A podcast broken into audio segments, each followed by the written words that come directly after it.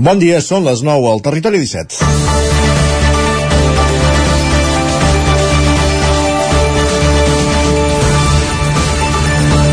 ...17 d'abril de 2023, ahir, dos mesos després que el programa Que t'hi jugues de Ràdio Barcelona destapés el cas Enríquez Negreira, el president del Barça, Joan Laporta, compareix finalment per donar explicacions. La pregunta clau, per què durant 18 anys les diferents juntes del Barça han abonat un total de 7,3 milions d'euros a les empreses de l'exàrbitre i el seu fill, no va ser resposta. La Porta es va limitar a parlar dels diners abonats durant els anys que el suposat delicte no hauria prescrit, els últims, presentant el seguit d'informes que haurien fet Enrique Negreira i el seu fill. També va apuntar cap als dos presidents que el van succeir i que eren companys de Junta en la seva primera etapa al Barça quan ja estaven contractats a aquests suposats servei. Referim a Rossell i Bartomeu. Ara bé, la porta va saber desviar l'atenció com va apuntar cap al president de la Lliga, Javier Tebas, i per sobre de tot el Real Madrid i el seu president Florentino Pérez, tot recordant els favors arbitrals que el club blanc ha rebut històricament i el va acabar qualificant d'equip del règim. La resposta de Madrid, del Madrid no s'ha fet esperar i de la mateixa manera que la setmana passada aplaudien un agressor convertint eh, convertit per la central lletera en víctima, ara apunten al Barça com a equip del règim perquè a la inauguració del Camp Nou hi va assistir un ministre de Franco. En el context de l'any en què es va inaugurar, poca cosa més es podia esperar. Sembla que han oblidat alguna dada rellevant com el cas Di Stefano o l'afusellament del president blaugrana Josep Sunyol. Doncs res, que vagi implorant que d'aquesta manera poc es parla de la falta de respostes de la porta sobre el cas Negreira i la Lliga ja està una mica més a prop. És dimarts, 18 d'abril de 2023, en el moment de començar el Territori 17 a la sintonia de Ràdio Cardedeu, on acudirem que la veu de Sant Joan, Ràdio Vic, el 9 FM, i també ens podeu veure, ja ho sabeu, a través de Twitch, YouTube, el 9 TV i la xarxa més. Territori 17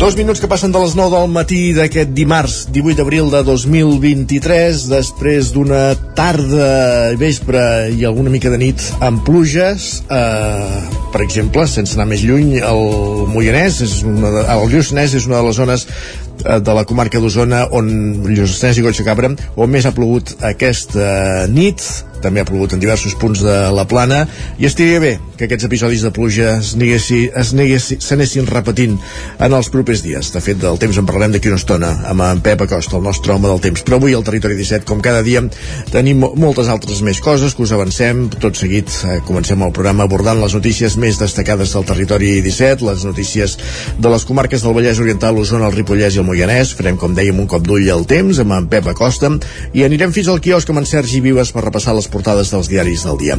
A partir de dos quarts de deu pugem al tren a l'R3, a la Trenc d'Alba amb l'Isaac Muntades, han recollit les cròniques dels oferts usuaris de la línia Barcelona-Granollers, Vic, Ripoll, Puigcerdà, l'R3, i a l'entrevista anirem fins a Cardedeu per parlar de la Festa de la Cuca, que se celebra demà al Teatre Auditori de Cardedeu, un retaule de Sant Jordi Gloriós, la donzella i el drac verdós interpretat amb romanço de sec, sota la direcció de Jordi Costa i Josep Castells.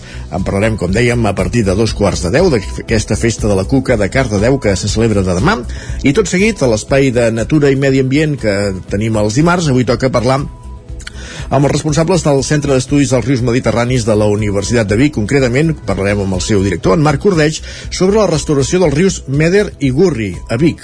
I, de fet, eh, Marc Cordeig el tindrem in situ eh, en un d'aquests rius i des d'allà serà on ens explicarà quines són aquestes tasques de restauració que s'estan fent a les lleres d'aquests dos rius que passen per la ciutat de Vic eh, i per la plana en general, els Meders i, i el Gurri, el Meder i el Gurri. Arribarem al punt de les 10, si és el cas, a música, notícies a les 10, la previsió del temps i a l'espai d'economia amb en Joan Carles Arredondo. Uh, avui parlarem de la llei de l'habitatge que han pactat el govern espanyol amb Esquerra i Bildu i que permetia al president del govern central, Pedro Sánchez, anunciar diumenge aquests 50.000 pisos de la Sareb que es posaran a disposició del mercat de lloguer en les properes setmanes barra mesos. Veurem de tot plegat què ens n'explica en Joan Carles Arredondo. A dos quarts d'onze ens endinsarem al món de Twitter amb en Guillem Sánchez i tot seguit reestrenem una secció al Territori 17. La Maria López, des de Ràdio Televisió Cardeu, recupera el seu racó de pensam i avui per parlar del dol dels infants i dels gronxadors del Roure. D'aquesta iniciativa en parlarem a la recta final d'un Territori 17 que ara comença. El Territori 17, el magazín de les comarques del Vallès Oriental, Osona, el Ripollès i el Moianès i que com cada matí comença repassant les notícies més destacades d'aquestes comarques.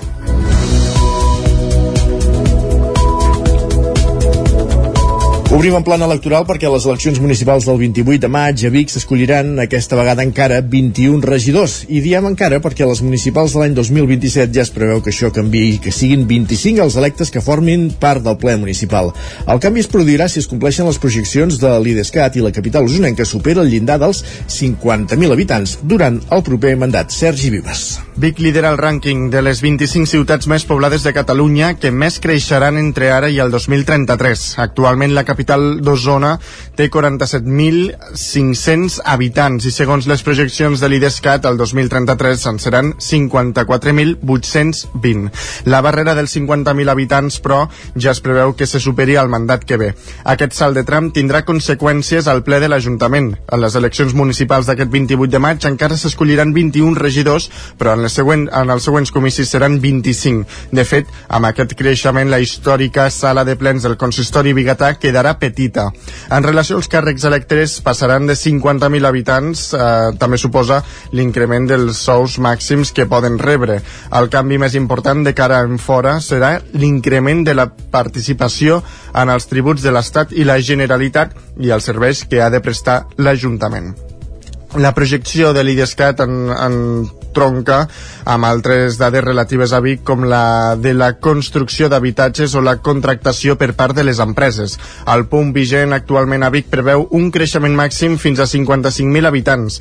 En un altre en un altre municipi usonenc, Montesquieu, ja hi ha canvis després del 28 de maig derivats a l'increment de població. S'hauran superat els 1.000 habitants i per això l'Ajuntament comptarà amb dos regidors més i passarà de 7 a 9 representants. L'actual govern ja, no, ja ho ha hagut de tenir en compte en el pressupost, en el cas, per exemple, dels diners que es destinen a la retribució dels regidors. Més qüestions. El Partit Popular de Vic espera entrar en força al consistori biguetan. Aquesta vegada ho fa amb Pau Ferran com a cap de llista i espera tenir millor èxit que les últimes eh, vegades on ha obtingut zero representació, Sergi. Això va dir dissabte el candidat de la formació a la capital osonenca, Pau Ferran, des de la parada que el partit va instal·lar al llarg de tot el matí a les portes de l'església del Carme, coincidint amb el mercat setmanal de la plaça Major. Ferran es va mm, acompanyar de militants del partit de la comarca i també també del secretari general del PP a Catalunya, Santi Rodríguez. Segons Ferran, el seu programa se centra en recuperar la seguretat als carrers de Vic i en posar punt final a les ocupacions il·legals. Si obté representació al consistori biguetà, el candidat popular es compromet a retornar a la ronda Camprodon la imatge prèvia als canvis de circulació que hi ha dut a terme aquest mandat al govern d'Anna R ciutat que està compromesa en recuperar la seguretat als carrers, amb acabar amb les ocupacions il·legals de vivendes, també amb desfer el caos de mobilitat que ha fet aquest Ajuntament, que han convertit a, a la ciutat de Vic una cosa semblant a la Barcelona d'Ada Colau. I és per això que els bigatans en aquestes eleccions municipals tenen un projecte alternatiu. Un projecte que estem convençuts de que entrarà amb força l'Ajuntament i que serà alternativa als més de 45 anys de governs de Junts per Catalunya punts d'un programa que per Rodríguez és una clara alternativa per Vic. El missatge que també el Pau porta als biguetans és no ens hem de resignar, no us heu de resignar a tenir sempre els mateixos governants. Hi han altres opcions, el Partit Popular i el Pau Ferran és una altra opció i vol ser i vol constituir-se una alternativa per Vic. Diumenge la formació també va ser present al Mercat dels Sentits, que es desplega setmanalment al Passeig de la Generalitat. Més qüestions, encara a la plana electoral, Àlex Medrano repetirà com a cap de llista de la CUP a Sant Joan de les Abadesses i es confirma que Junts tornarà a presentar candidatura. Isaac Muntades, des de la veu de Sant Joan. Àlex Medrano repetirà com a cap de llista de la CUP de Ribes de Freser. L'anunci s'ha fet esperar perquè els copaires necessitaven vestir una llista de gent que volgués assumir responsabilitats i governar. A més a més, la formació de l'esquerra independentista tenia tres motius per tornar-se a presentar com detallar a Medrano. Tenim tres motius. Uh, un dels motius és perquè la gent del poble ens ho ha demanat. Conforme s'anaven acostant el, el, les eleccions, la gent ha començat a, a demanar que, sisplau, que seguissin, que era necessari que hi hagi un canvi, que hi hagués alguna alternativa als altres dos partits i consideraven la gent doncs, que, que hi havíem de ser. El segon motiu, i crec que és un dels motius amb més pes, és que no ens està agradant el que està passant a l'Ajuntament. Estan passant una sèrie de problemàtiques amb el personal de l'Ajuntament, a projectes que no ens agraden, de feina a treballar que no coincideix amb la, amb la nostra manera de fer, i el tercer motiu és perquè considerem que no hi som nosaltres, no hi ha un espai representat on hi hagi una mica de mà estesa entre amb un partit i amb l'altre, on puguin fer projectes col·laboratius, on puguem fer una mica com de, de, de pont no? entre diferents eh, ideologies però amb uns mateixos objectius. La llista sencera la presentaran aquest divendres a dos quarts de vuit del vespre al Casal de Cultura. El municipi ribetà també ha confirmada des de febrer la candidatura de Tots Fem Ribes Esquerra Republicana, que està liderada per l'actual cap de l'oposició, Joaquim Joaquim Roquer. La presentació del seu projecte tindrà lloc més endavant, el dilluns 8 de maig. La incògnita sobre què farà Junts per Ribes, el partit que ostenta l'alcaldia amb Mònica Sant Jaume, es va esvair aquest dissabte al vespre, ja que es tornaran a presentar. Tot apunta que han confeccionat una llista força renovada. L'actual alcaldessa encara no ha confirmat que ella en serà la candidata, però en té tots els números. El mandat a Ribes ha estat força crispat, sobretot entre Junts i Tots Fem Ribes. Els plens, el debat entre Sant Jaume i Roquer, ha anat pujant de to a mesura que avançaven els mesos i es va desfermar en l'última sessió, quan el republicà va acusar el marit de l'alcaldessa Joan Manso d'exercir de segon alcalde. Al seu torn, Sant Jaume va dir que posaria en coneixement dels seus advocats el contingut del ple. La relació de llocs de treball de l'Ajuntament, el pla director de l'aigua o el model de gestió de recollida de residus han estat també algun dels temes més calents del mandat. Actualment, Junts per Ribes governa amb una majoria absoluta de 5 dels 9 regidors del consistori, mentre que tant Esquerra com la CUP en tenen dos. El 2019, només dos vots de diferència van impedir que les forces d'Esquerra poguessin assaltar un govern en mans de l'espai convergent des del 2007. I encara en l'àmbit polític, eh, avui fem un repàs de com es presenten les eleccions del 28 de maig a Sant Martí de Centella, Sergi. L'actual alcaldessa Núria Roca, que es va estrenar el 2019, pretén revalidar una alcaldia que els independents per Sant Martí de Centelles tenen des de fa 16 anys. Pretenen que, entre d'altres, formalitzar la urbanització de la zona de l'Oller o fer la depuradora de les Comes i cobrir el nou aparcament de la sortida de la C-17. Per altra banda, Laia Hidalgo s'estrena en política al capdavant de gent de Sant Martí de Centelles, llista associada a Esquerra Republicana. Un aparcament de 59 places, cobrir-lo i fer-ho amb plaques fotovoltaiques per poder pues, tenir enllumenat mm, sostenible.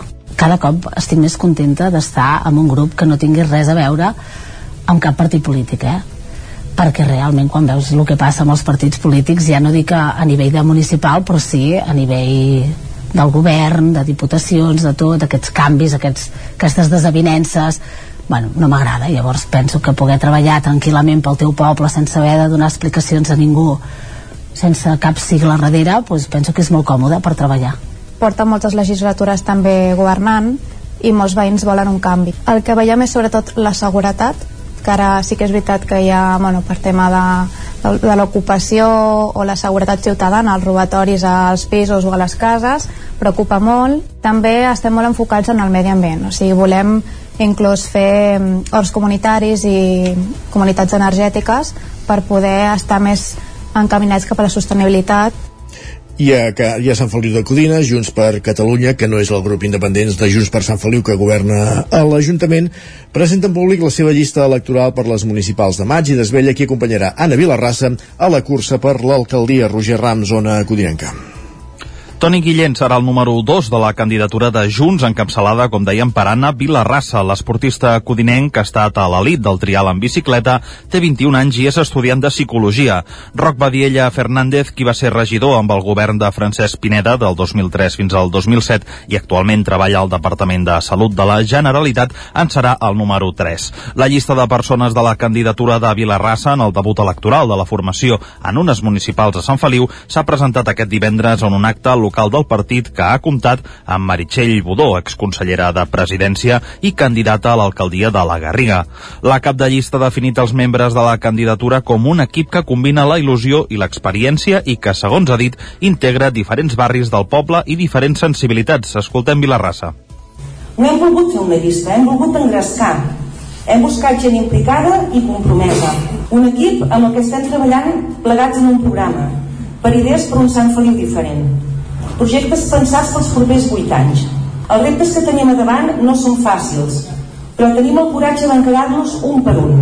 Hem de canviar la tendència actual i estem convençuts que per fer-ho necessitem un, un equip amb visió integral del poble, un equip que combini la il·lusió i l'experiència, que tingui idees, però que aquestes idees siguin realitzables, Vilarrassa afirma que han buscat un equip que tingui idees, com sentíem, però que alhora les faci possibles. Els cinc primers llocs de la llista electoral els completen Albert Llorenç i Maria Rosa Miralda. La llista incorpora cares noves a la política municipal, com ara Oriol Boluda, Xavi Vallcorba o Laura Muñoz. Tancarà la llista el número 13, Pilar Borrell, qui va ser regidora entre els anys 1991 i 2003. La candidatura incorpora més cinc suplents. En el seu Parlament, Budó ha subratllat que els propers consistoris també poden ser claus pel futur del país.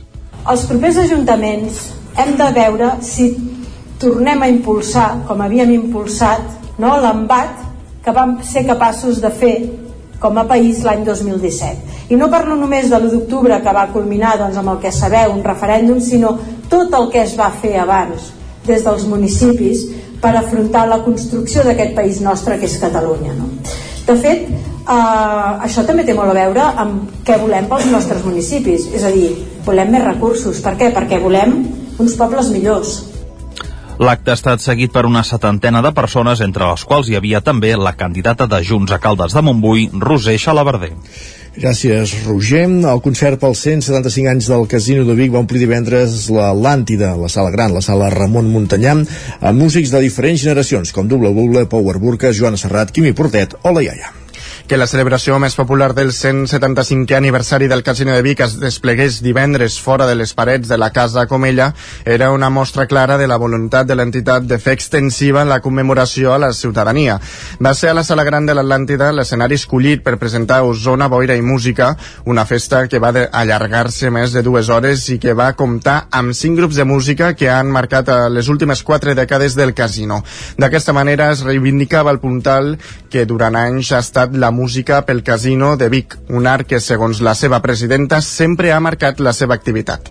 Una presidenta que es diu Montse Iats. Això reflecteix eh, la filosofia no, de, de que hi ha darrere del casino, que és un passat, un present i sobretot un futur. I per tant aquest passat la música a la plana ja ha tingut molta, molt pes en el present en té i estem convençuts que en el futur també. I llavors també ens sembla fonamental que entre la vintena d'actes que hem organitzat n'hi hagués algun que poguéssim celebrar amb el màxim de gent possible qui tampoc es va voler perdre l'aniversari va ser la consellera de Cultura, Natàlia Garriga, que va seguir l'espectacle des de les files davanteres acompanyada de l'alcaldessa de Vic, Anna R. La veritat és que no és gens habitual i per això estem molt contents i molt satisfets perquè és un moment únic no? i també molt històric amb aquest casino de, de Vic 175 anys, la veritat. Ara hem pogut visitar-lo, a més a més, m'ha fet moltíssima il·lusió perquè no hi havia estat i m'han estat explicant tota la trajectòria i la veritat és que fa goig.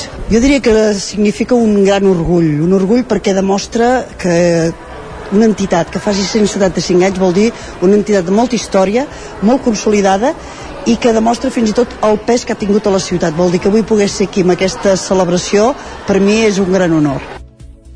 Qui van ser el meló van ser els Double Buble, que van obrir l'espectacle amb Cristina, un dels temes més emblemàtics de la formació. El relleu el va agafar Power Burkas, que amb, la seva, que amb una versió dels Cardafàstic van homenatjar un grup que als anys 90 va fer de nexe generacional. Un tribut que va donar pas a Joana Serrat, acompanyada dels seus germans Toni i Clara. Serrat va representar l'obertura més internacional de la música del segell osonenc. Quimi Portet amb clàssics com La Rambla, però també Santi Serratosa, que va convidar el públic a seguir aconseguir la seva percussió corporal, tampoc van faltar a la cita.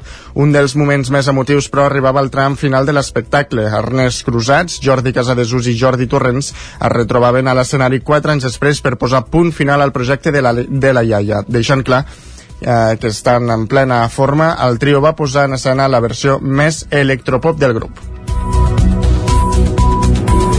I aquí acabem aquest repàs informatiu que començàvem al punt de les 9 en companyia de Sergi Vives, Isaac Muntades, Roger Rams i Pol Grau. És moment al territori 17 de saludar també el nostre home del temps, en Pep Acosta.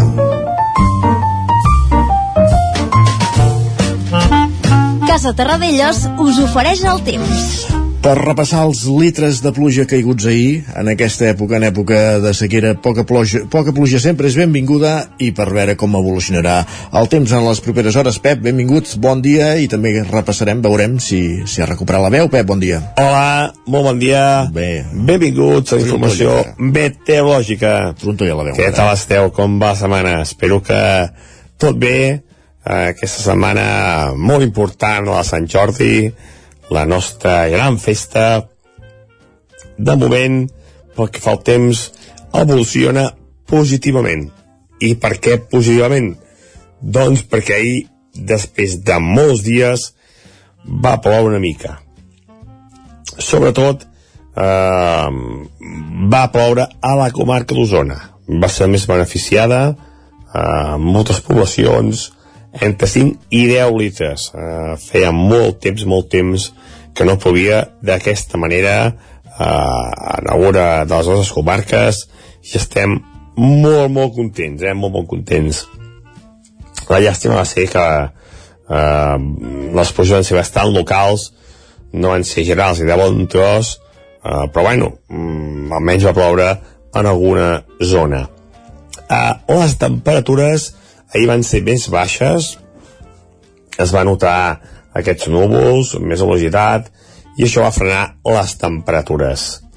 I avui, aquesta nit s'ha notat que hi ha hagut núvols i que les temperatures no han baixat tant. Uh, moltes mínimes, entre els 5 i els 10 graus, uh, només per sota els 5 graus a les zones més fredes del Pirineu. I avui serà el dia més insegur de tota la setmana. Uh, ja poden créixer nuvolades de bon matí i ja s'esperen precipitacions a partir del migdia. Uh, on plourà més? Doncs novament a les zones uh, que ja van ser beneficiades ahir, sobretot cap a Osona, però avui les precipitacions s'estendran més. Hi ha més inestabilitat i plourà Osona, Mollanès i sobretot també a Ripollès. Seran els llocs de Catalunya on més plourà. Uh, els jocs amb més pluja crec que arribaran a 15-20 litres, per tant més que ahir, per tant molt bona notícia, i entre el 0 i els 5 litres plourà a bastantes més poblacions, per tant també molt, molt bona notícia. La cota neu baixarà a uns 1.700-1.800 metres, nevada feble cap al Pirineu i els cims més alts del Montseny també es poden tenir una mica d'enfarinada. Molt poca cosa cap al Montseny, sí que el Pirineu la nevada pot ser una mica més important. Uh, moltes màximes entre els 12 i els 17 graus. Vents febles de direccions variables. Esperem que les pluges uh, siguin més importants de les previstes. Demà farem un balanç de tot, però per fi alguna mica de bones notícies pel que fa al temps. Això és tot, a disfrutar el temps, a disfrutar de la pluja allà on plogui. Moltes gràcies, fins demà, adeu. Gràcies a tu, Pep, parlem d'aquí una estoneta. Avancem al territori 17 i del temps anem cap al quiosc. Casa Tarradellas us ha ofert aquest espai perquè és moment de saber, Sergi, com són avui les portades dels diaris, no sé si marcades en part per aquesta compareixença de, de Joan Laporta. Doncs això t'anava a dir. No començarem per una portada en concret, sinó per un tema en concret, perquè com que el tracten a totes les portades, farem un mix. Així... Veurem de quina manera el tracten a cada lloc. Exactament. Molt bé.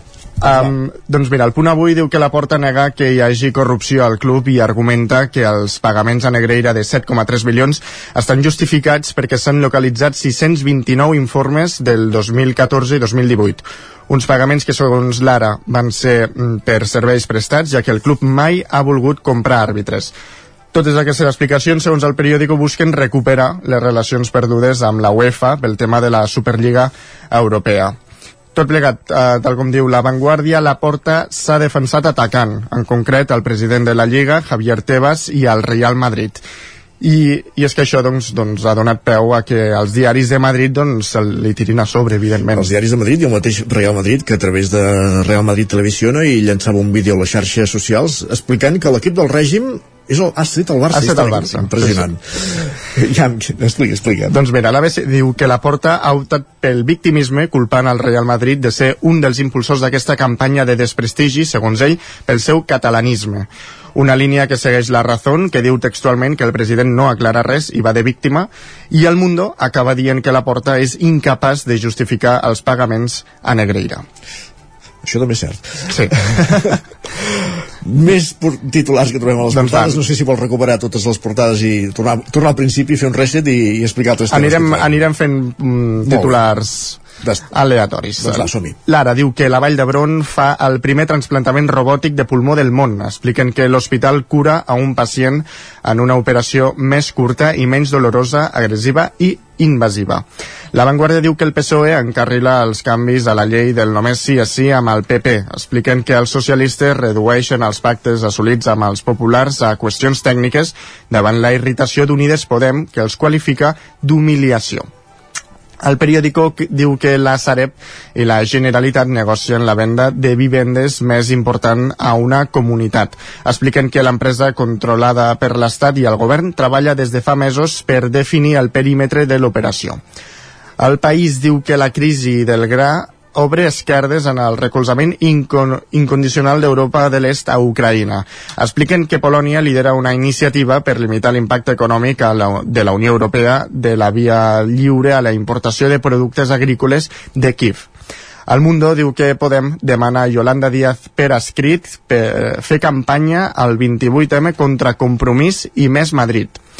La Razón diu que el lloguer assequible de Sánchez no cobreix les ciutats en apurs. Expliquen que la Sareb només té un 8% dels habitatges promesos en zones en greus problemes. I ara tornem a un dels diaris catalans perquè Dani Alves ha tornat a canviar de nou la seva declaració. Això també mereix un llibre, eh? La de versions que ha arribat Ostres. a donar l'home d'aquells fets. Sí, sí. Per no reconèixer la veritat. Lara diu que el jugador admet haver mentit i parla ara de sexe consentit. Expliquen que l'advocat del futbolista tornarà a demanar en els pròxims dies la seva excarcelació. Aquests són els titulars que podem trobar a les portades d'avui. Perfecte, doncs repassades les portades als diaris de paper, fem un cop d'ull als digitals a l'edició d'Osona i el Ripollès del 99.cat. Doncs que Trànsit posa en marxa el radar de la C-17 a Figaró dos anys i cent mesos després d'instal·lar-lo. Hi ha molta gent que comenta, home, però jo ja frenava allà. Sí, doncs mira, a partir d'ara continua fent-ho, t'anirà bé. I a l'edició del Vallès Oriental... Doncs destaquen l'acció policial per evitar la presència de manters al mercat de Canovelles de diumenge. Doncs dit això, repassats els titulars dels diaris del dia, fem una petita pausa al territori 17. Gràcies, Sergi. A tu. Una pausa i tornem de seguida pujant al tren i amb l'entrevista. El nou FM, el nou FM, el nou FM. El 23 d'abril és Sant Jordi, el dia del llibre. Com m'agrada aquesta festa. Aniré a la llibreria Mater de Vic uns dies abans per escollir els llibres que vull regalar. A la Mater tenen varietat i bona selecció de llibres. Demanaré que m'emboliquin una de les noves novel·les i un llibre de cuina. I potser un d'esport i de natura. I no em puc oblidar de buscar uns contes de la secció infantil. Quina il·lusió! Ja puc veure els seus somriures quan obrin els regals. Llibreria Mater, al carrer Pla de Balanyà 23 de Vic. La meva llibreria per Sant Jordi i tot l'any. Estàs preparat per aquest estiu? A Boi Galtés som especialistes en tot allò relacionat amb la protecció solar per a qualsevol necessitat d'espai, tendals, pèrgoles, escrins interiors. Anticipa't a la calor. T'assessorem i t'oferim la màxima garantia de confort i benestar per casa teva. No ho dubtis i vine a Boi Galtés. Ens trobaràs al carrer Jaume I de Vic número 5 al 93 886 1420 a la nostra web www.boigaltés.com i també som a Instagram boigaltés.tendals Aquesta primavera, Centelles és màgia. El 15 d'abril participa a l'onzena cursa pel poble saharaui. El 22 d'abril vine al concert dels Catarres com a prèvia de la gran festa de Sant Jordi. L'1 de maig, a plec del Turó de Puigsegordi i el 7 de maig, concert amb el cantautor californià Danny Moff. També pots participar a la Caminada Solidària Popular el 21 de maig i el 10 i 11 de juny, 14a Fira de la Ratafia de Centelles. I celebrarem el solstici d'estiu amb la Festa de Sant Joan. Centelles és màgia. Per moure't, lloga un cotxe ALR. Per moure la família, lloga un minibús ALR. Per moure coses, lloga una furgoneta ALR. Per moure la casa, lloga un camió ALR. Lloguer de cotxes, furgonetes i camions ALR. Ens trobaràs al carrer Francesc Sant Climent 83 de Vic i també a Olot i Manresa. Informa't en el 93 888 60 57 o bé consulta el web alr.cat. No t'ho creuràs. M'ha trucat el servei tècnic oficial de Saunier Duval perquè han detectat a distància que li falta aigua a la caldera. Era a casa i no me n'havia adonat. I què has fet? Res, perquè el meu servei de manteniment Mi Saunier Duval Connect m'ha donat una solució en qüestió de minuts. Informeu-vos a connectivitat.saunierduval.es. Saunier Duval, sempre al seu costat. Ser a prop vol dir veure les coses més bé. Apropa't al que t'interessa amb la xarxa Més. La teva plataforma audiovisual de qualitat, proximitat i gratuïta. Gaudeix dels continguts de més de 30 televisions locals i podcast quan, com i on tu vulguis. Entra a la xarxa més.cat i descarrega't l'app. El nou FM, el nou FM, el nou FM.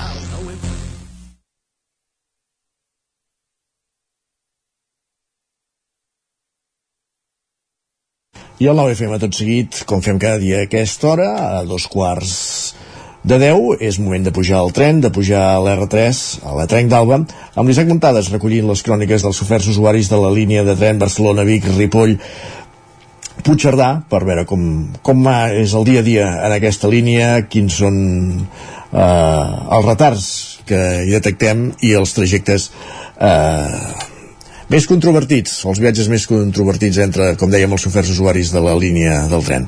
Ara sí, anem fins a la veu de Sant Joan amb l'Isaac Muntades i la secció dedicada a l'R3.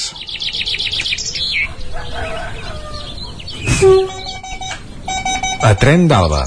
Cada dia els usuaris i usuàries de la línia R3 de Rodalies que veuen sortir el sol des d'un vagó ens expliquen les gràcies i les penes del primer comboi que uneix Ripoll i Barcelona o les feixugues jornades amb el tren després de treballar. Benvinguts a Tren d'Alba. Ahir l'usuari de Twitter Joel es queixava que el tren amb què havia d'anar a classe no va passar, que havia desaparegut. Es veu que va preguntar al treballador de la taquilla, que en aquell moment li va dir que aquell tren no anava a passar, i el següent anava amb retard i que potser tampoc passava. I el següent, que podia haver agafat, ja no li valia la pena agafar-lo per fer un trajecte d'entre 3 i 4 hores entre l'anada i la tornada per fer només dues hores de classe. Llavors, que ningú s'estranyi si s'opta pel vehicle privat i no pel transport públic. Va, us deixo amb la crònica d'en Jordi Valls d'avui. Bon dia, avui, avui la il·lusió de tots els dies. La il·lusió és com el Nadal o com quan venen Reis. El tren ha arribat clavat, a l'hora. Després de l'aventura d'ahir, que us explicava que havia arribat 14 minuts tard, i a la tarda l'aventura va ser més xula encara. Resulta que esperàvem a Sants al tren de dos quarts de cinc, no arriba, no arriba, no arriba, Rodalies no informa, els hi demanem, no informen, Generalitat de Catalunya, això és competència teva, espavila, i de cop i volta apareix el tren de Puigcerdà. Mitja hora tard, no diuen res, no avisen, demora.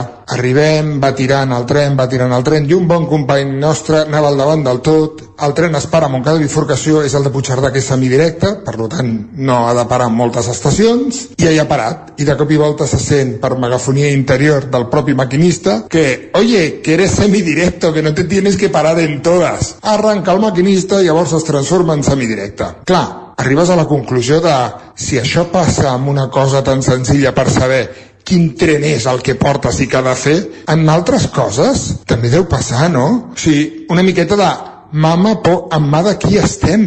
La veritat és que som un país una miqueta d'aficionats i aficionades, eh? El tema de la professionalitat, imagino que gent de Suïssa es tornaria com boja, i més amb, amb tot el tema dels trens. Res, una aventura nova. Avui hem baixat bé, la tornada, Renfe dirà que està per sobre de Déu, això ja ho sabem. Vinga, cuideu-vos molt, ànims, Déu. Doncs és una mica preocupant que el maquinista no sàpiga a quines parades s'ha d'aturar. Se suposa que és la seva feina saber si els trens són directes, semidirectes o paren a totes les estacions estacions. I això que soni per en megafonia li dona un to més còmic, però és per plorar si t'ho pares a pensar. Esperem que aquest error fos perquè el maquinista era novell en aquest trajecte o perquè tenia un molt mal dia, perquè si no, va, ens retrobem demà amb més històries del tren i de l'R3.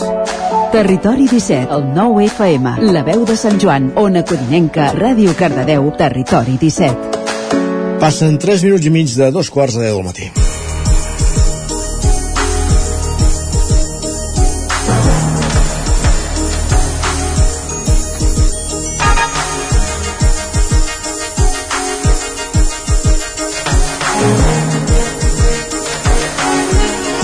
Amb l'arribada de Sant Jordi als carrers de, Sarda, de Cardedeu i surt la Cuca per defensar aquestes injustícies que hi ha al poble i salvar-lo de la tirania.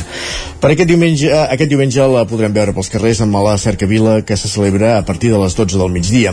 Avui, per parlar sobre la Cuca de Cardedeu, ens acompanyen els estudis de Ràdio i Televisió Cardedeu, al costat d'en Pol Grau, en Jordi Costa i en Josep Castells. Pol Grau, benvingut de, primer de tot, bon dia. Bon dia, doncs sí, aquest, aquest diumenge, amb Sant Jordi, sortirà pels carrers d'aquí Cardeu la Cuca de Sant Jordi, i avui amb nosaltres tenim en Jordi Costa i en Josep Castells. Bon dia, com bon esteu? Dia. Bon dia, molt bé. Josep, eh, no sé, per començar, eh, el, el teu germà va dibuixar aquesta auca de Sant Jordi l'any 76. No sé, ens pots explicar una mica d'on sorgeix aquesta història, l'origen? Sí, doncs eh, en allà era en el moment en què teníem el grup de, de teatre al GAT i llavors amb, amb aquestes uh, modalitats doncs, que en aquell moment s'estaven posant que era la de les actuacions al carrer eh, doncs se'ns va acudir doncs, de muntar un drac i explicar la llegenda de Sant Jordi aquesta llegenda doncs ens vam asseure un parell de tardes i vam anar fent uns rodolins que després el Jordi els rodolins els fèiem amb el Jaume Rodri i el meu germà Jordi doncs eh, eh, anava dibuixant cada un d'aquells d'aquells eh, les vinyetes diguéssim no? que van il·lustrant. I d'aquí va sortir i amb aquesta necessitat també dels moments en què vivíem del franquisme i de les reivindicacions i de, i de, bueno, i d'esperança de llibertats i de canvi de règims i tot això. Has portat per aquí el primer cartell que vau fer per la... Sí, aquest és és el, el primer cartell que es va fer i, i aquest era del el 25 d'abril, que era, encara no hi havia els pinatons nous, el New Pinatons Park, nosaltres li, el vam eh, anomenar, i, i en allà doncs, vam fer tot un dia de festa amb els nens del carrilet, que llavors doncs, nois i noies que venien al cineclub, i tota la gent que ens seguia del grup GAT. Uh -huh. Eh, què va suposar en aquell moment per Cardedeu, aquesta explosió festiva eh, a l'entorn de Sant Jordi, diguéssim?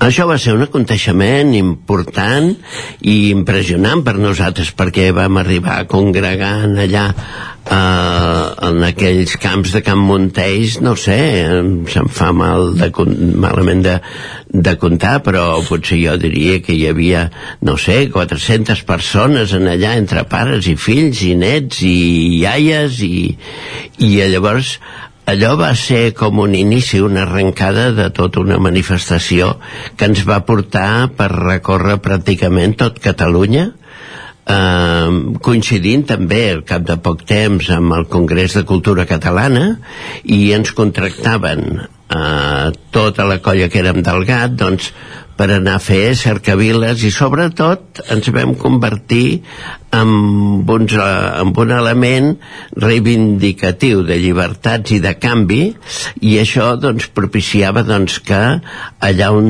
anàvem eh, canviàvem la nomenclatura dels noms dels carrers, és dir, hi havia uns col·lectius de cada barri, de cada població, doncs que ja tenien unes fotocòpies o uns papers pintats a mà i els enganxàvem a sobre dels cartells dels carrers de, de la dictadura, diguéssim, tapant noms que no ens interessaven per res i recuperant els noms antics per aquest diumenge fem també el Cercavila i la interpretació de poemes. No sé què, què podrem veure aquest diumenge per la plaça Sant Joan aquí a Cardedeu. Bueno, eh, de, fet, de fet, el que veurem aquesta, aquest cap de setmana ja és una recuperació de tot el format, és a dir, després de la pandèmia, o sigui, això es va recuperar el 2016, que es va sortir la CUCA 2017 i 2018, que sí que es va fer la representació, eh, tot complet, aleshores, eh, ara la pandèmia ho va, ho va una mica estroncar. Aleshores, l'any passat vam fer un format al Teatre Auditori de Cardedeu, amb el qual també vam incorporar la paraula, la poesia, i es van passar unes pel·lícules inèdites de tot això que està explicant el Josep ara, és a dir, que, que a més a més tenim la sort de que està documentat i està documentat en imatges a part de les moltes fotografies i, i altres escrits que hi ha de diaris i del que va quedar en premsa. Aleshores aquest any d'alguna manera ja el que volíem era recuperar doncs ja que hem recuperat una mica la normalitat doncs poder fer tot complet. És a dir tenim també la sort de que els de l'esplai de bruixes i bruixots els escorralots col·laboren que també, que també això també ens agrada molt perquè és la gent jove que torna a recuperar el que en el seu moment ja van fer ells també perquè era quan ells tenien aquesta edat no? i aleshores és doncs que ells sortiran trauran a partir de les 12 trauran la cuca i aleshores hi podrà participar tothom. I després ja pròpiament a partir de la una a la plaça de Sant Joan es fa tota la representació. Uh, aquest any a més a més hi ha una cosa molt important que és que aquest any diem la festa de la cuca amb veu de dona. I ho diem amb veu de dona de fet això la gent ja ho veurà quan, quan vingui a la, a la plaça però és perquè eh, hem volgut canviar una mica els papers també, és a dir, la CUC ha explicat el Josep ara, eh? sempre ha sigut una cosa una mica de subversió, no? de, de llibertat, de reconeixement de fets que, que s'han de reivindicar i en aquest cas, a la primera vegada que la, el romancer serà una dona el cor de, de la Cuca és un cor íntegrament de dones de dones que canten a totes les corals de Cardedeu i altres corals de fora. Uh, les, les uh, poeteses també són, són d'aquí de Cardedeu. Uh, els textos que s'han triat també són tot de dones. Vol dir que té, té un component molt important de reivindicació també en aquest aspecte. Perquè ara ens comentava Jordi que era el 2016 que, que es recupera aquesta celebració eh, aquesta festa és a dir, la inicial eh, aquesta, aquesta explosió que ens comentava abans al principi en Josep va ser l'any 76 i prou o va tenir certa continuïtat llavors en aquella època més enllà de les representacions que es van fer fora de Cardedeu? No, allò hauria tenir una, una repercussió d'uns eh, d'uns 10-12 anys eh? Uh -huh. i anaven sortint dissabte sí, dissabte no i diumenges també i, i vam arribar a fer doncs, representacions eh, per tota la geografia catalana des de Cubelles fins a Figueres de, mm, per la part de Lleida de Girona a Barcelona provincial, tots els barris de Barcelona Horta, el Clot eh, mm, Gràcia tots aquests anàvem i ens contractaven doncs per anar a animar un de matí d'un dissabte o d'un diumenge per fer això que hem dit abans, no? d'aquestes reivindicacions. I llavors, eh, segons on, doncs, eh, el que fèiem era de, de fer la llegenda un, a vegades era només un cercavila i llavors era a vegades doncs aquesta representació de la llegenda de Sant Jordi que la teníem ja sanificada i anàvem doncs eh, amb el col·lectiu d'actors i actrius de, del GAT doncs a fer-ho allà en places i, i carrers, sí, sí. Uh -huh. Quanta gent mobilitzeu ara, eh, Jordi, per, per fer aquesta posada en escena, diguéssim? Sí, bueno, de fet aquest també és un aspecte molt important, és dir, perquè d'alguna manera també hem aconseguit eh, el, que, el que feien el GAT en el seu moment, el que feien el, el Josep i el, bueno, tota aquella colla, que era que fos el màxim de participació possible. Nosaltres, eh, amb aquesta edició, per exemple, amb, amb tot el que fem amb, la, amb el moment de la CUCA, a la Cobla de Ministrers, a tothom qui participa, estem al voltant de 100 persones que col·laboren amb aquest projecte, de les quals pràcticament tothom ho fa de manera desinteressada. Aleshores, clar, això també és un, un fet que ens agrada molt. I per altra banda també la implicació que hi ha amb tots els elements des de, des de qui ha fet l'harmonització de la música i fet la partitura que és el Cesc Alexandri que ell ja de jove també hi havia participat com l'Olga Vinyals que també parlarà que ella era la, una de les princeses que va anar durant tots aquests anys amb, o la Tere, la Tere Icar que també hi anava. És a dir, que molta de la gent que hi participa són gent que havien tingut la vivència en el seu moment aleshores eh, això també encara ho fa més, eh, més enriquidor no? perquè d'alguna manera tothom participa doncs havent-hi participat de jove i tornant-hi a participar ara i ja dic, la col·laboració és, és total no sé, per, perdó, per tu Josep veure la joventut d'avui en dia que torni a participar per tu que vas començar-ho de jove com, que, com ho veus? Home, jo veig eh, un, que és extraordinari extraordinari sobretot perquè encara hi ha aquest entusiasme eh, per, per recuperar aquests elements històrics, diguéssim, no? I perquè tampoc és allò de la colla gegantera, que ja és de molta tradició i de molts anys, i cada poble, doncs, consolida unes colles. Uh, lo de la cuca és com més esporàdic, més, uh, més puntual la seva sortida, no? Llavors, doncs això em, em provoca com un, una satisfacció important d'un element que encara és reivindicatiu i que encara doncs belluga gent, no? I amb ganes i divertit i, i per mi està bé, és interessantíssim. A la cercavila, la Cuca surt sola o qui l'acompanya, per entendre'ns? a nivell de figures? No, en aquest cas sortirà sola acompanyada de, de potser un grupet de música, ara estem pendents de veure si hi ha algú o si no hi ha, hi ha veurem, potser el mateix col·lectiu dels de l'esplai doncs ens ho, ens ho organitzen això eh?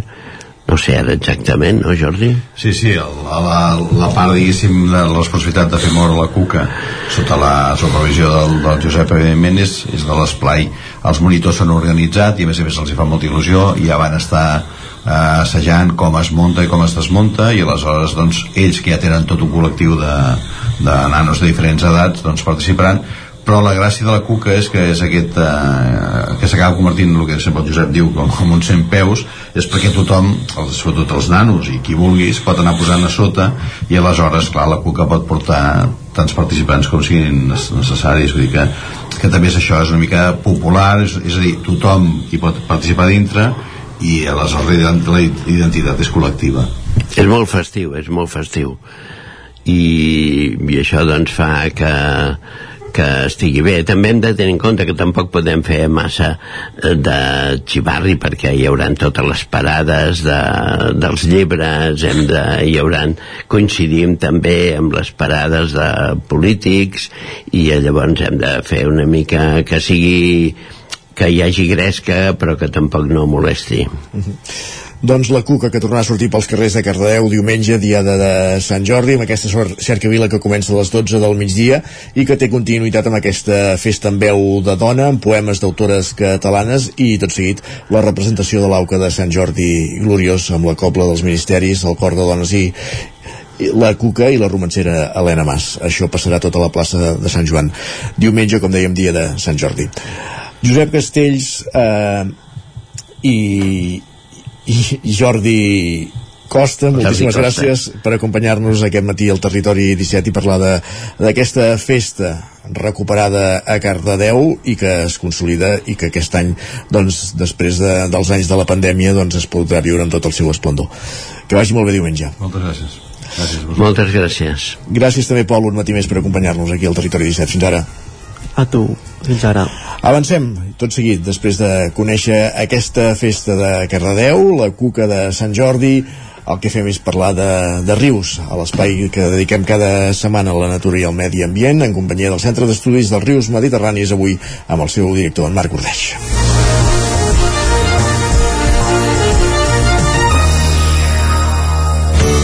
Territori 17. Envia'ns les teves notes de veu per WhatsApp al 646 079 023. 646 079 023.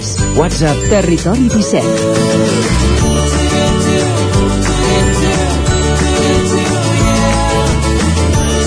Territori 17. Som a Facebook, Twitter i Instagram amb l'usuari Territori 17.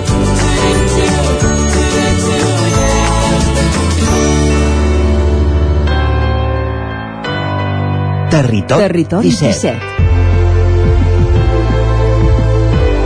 17. Territori 17.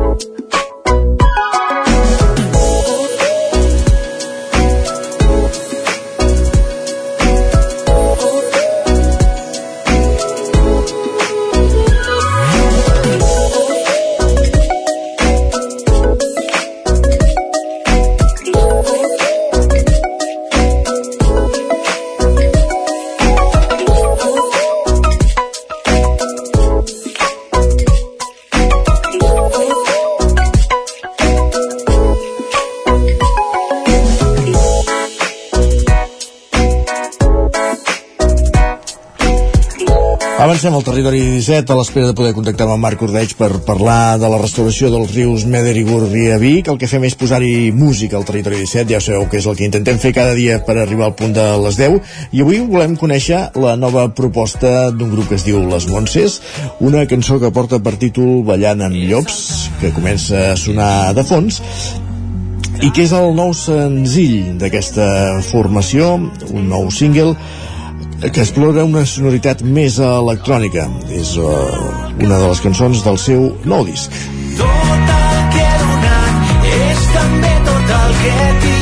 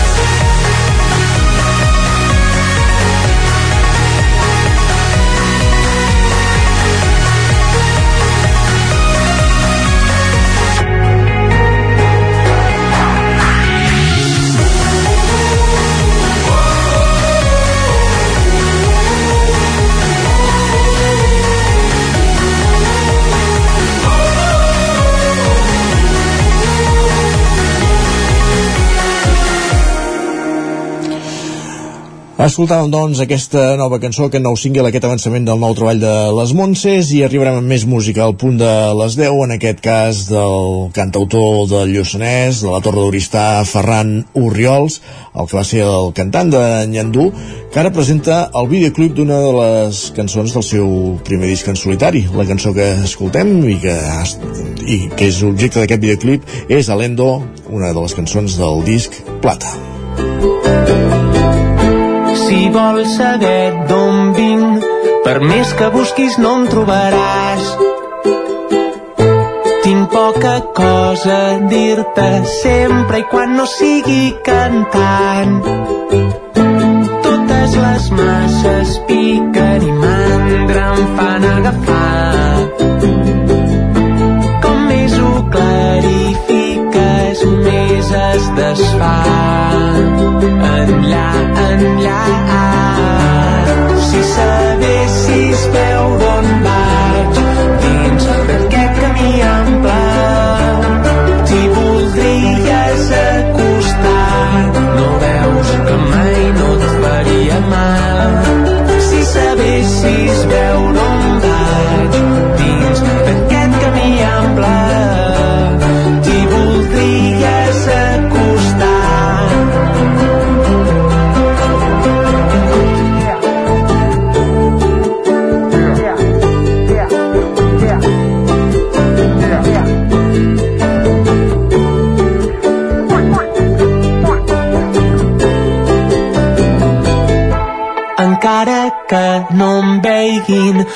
a dins un trosset de tots. Quan la cosa es complica, poc o molt sempre hi soc, tu tries el compàs amb què remenes cada cançó. Jo sóc de marxa lenta, corda oberta i cantar fort, molt fort, molt fort.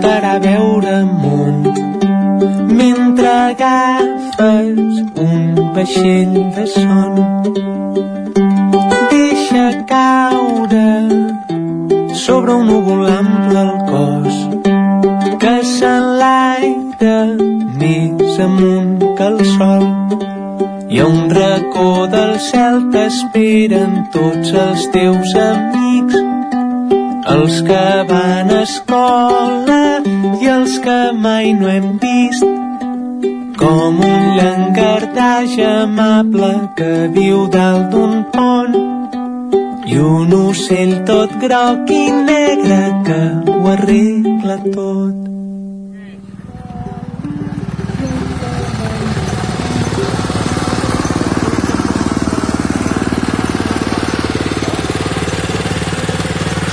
Alendo, aquest nou videoclip del disc plata de Ferran Oriols, el primer disc en solitari del ser el cantant dels Nyandú, que ens ha portat fins a les 10 aquí al Territori 17 i tot seguit és moment, com cada dia a les 10, de posar-nos al dia. de...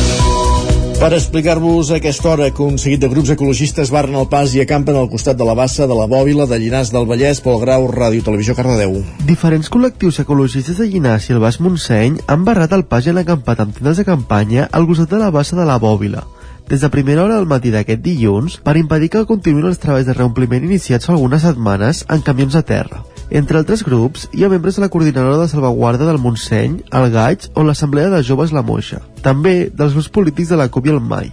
S'han fet ja per xarxes es preveu que més persones assumin a l'acció. Un cop s'ha conegut l'acció, han acollit el lloc efectiu dels Mossos d'Esquadra, que estan fent una mediació entre les dues parts. També el propietari dels terrenys, que ha parlat amb els activistes.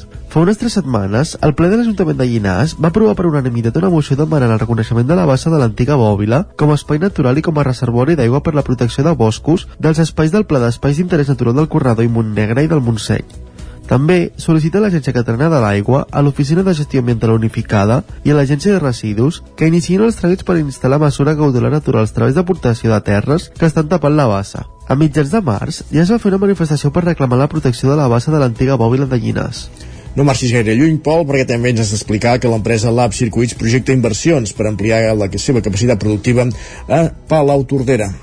L'empresa Lab Circuits doblarà la superfície de fabricació per incrementar la capacitat productiva. Amb més de 50 anys d'experiència, l'empresa es va fundar a Barcelona el 1972 i opera des de Palau Tordera des de 1979. La firma Santa Maria Palau Tordera preveu arrencar el projecte aquest mateix any. La companyia vol disposar de capacitat de créixer quan el mercat ho demani. L'empresa preveu destinar 5 milions d'euros a aquest projecte inversor, on el termini d'execució s'estima de 3 anys. Actualment, les instal·lacions ocupen 4.000 metres quadrats i la intenció de la companyia és arribar als 8.000 quan l'ampliació estigui enllestida. L'empresa opera en el sector dels circuits impresos d'altament tecnificat. Els productes que fabrica Lab Circuits es distribueixen en àmbits com la maquinària lleugera, que són màquines recreatives o de vending, però també tenen aplicacions en sectors d'alta tecnologia com la indústria aeronàutica, la robòtica, el ferrocarril o l'electromedicina. Són sectors avançats en els quals Lab Circuits vol profundir per, a més, incrementar la quota exportadora. Lab Circuits s'ha avançat en una requalificació de terrenys per fer possible l'ampliació a tocar la fàbrica actual. Després d'alguns anys de tràmits, el 2018 es va obtenir una primera autorització per a la requalificació. Gairebé 5 anys després, encara queden alguns serreis per resoldre que s'espera que es puguin solucionar aquest any i fer possible l'arrencada de la primera fase de l'ampliació.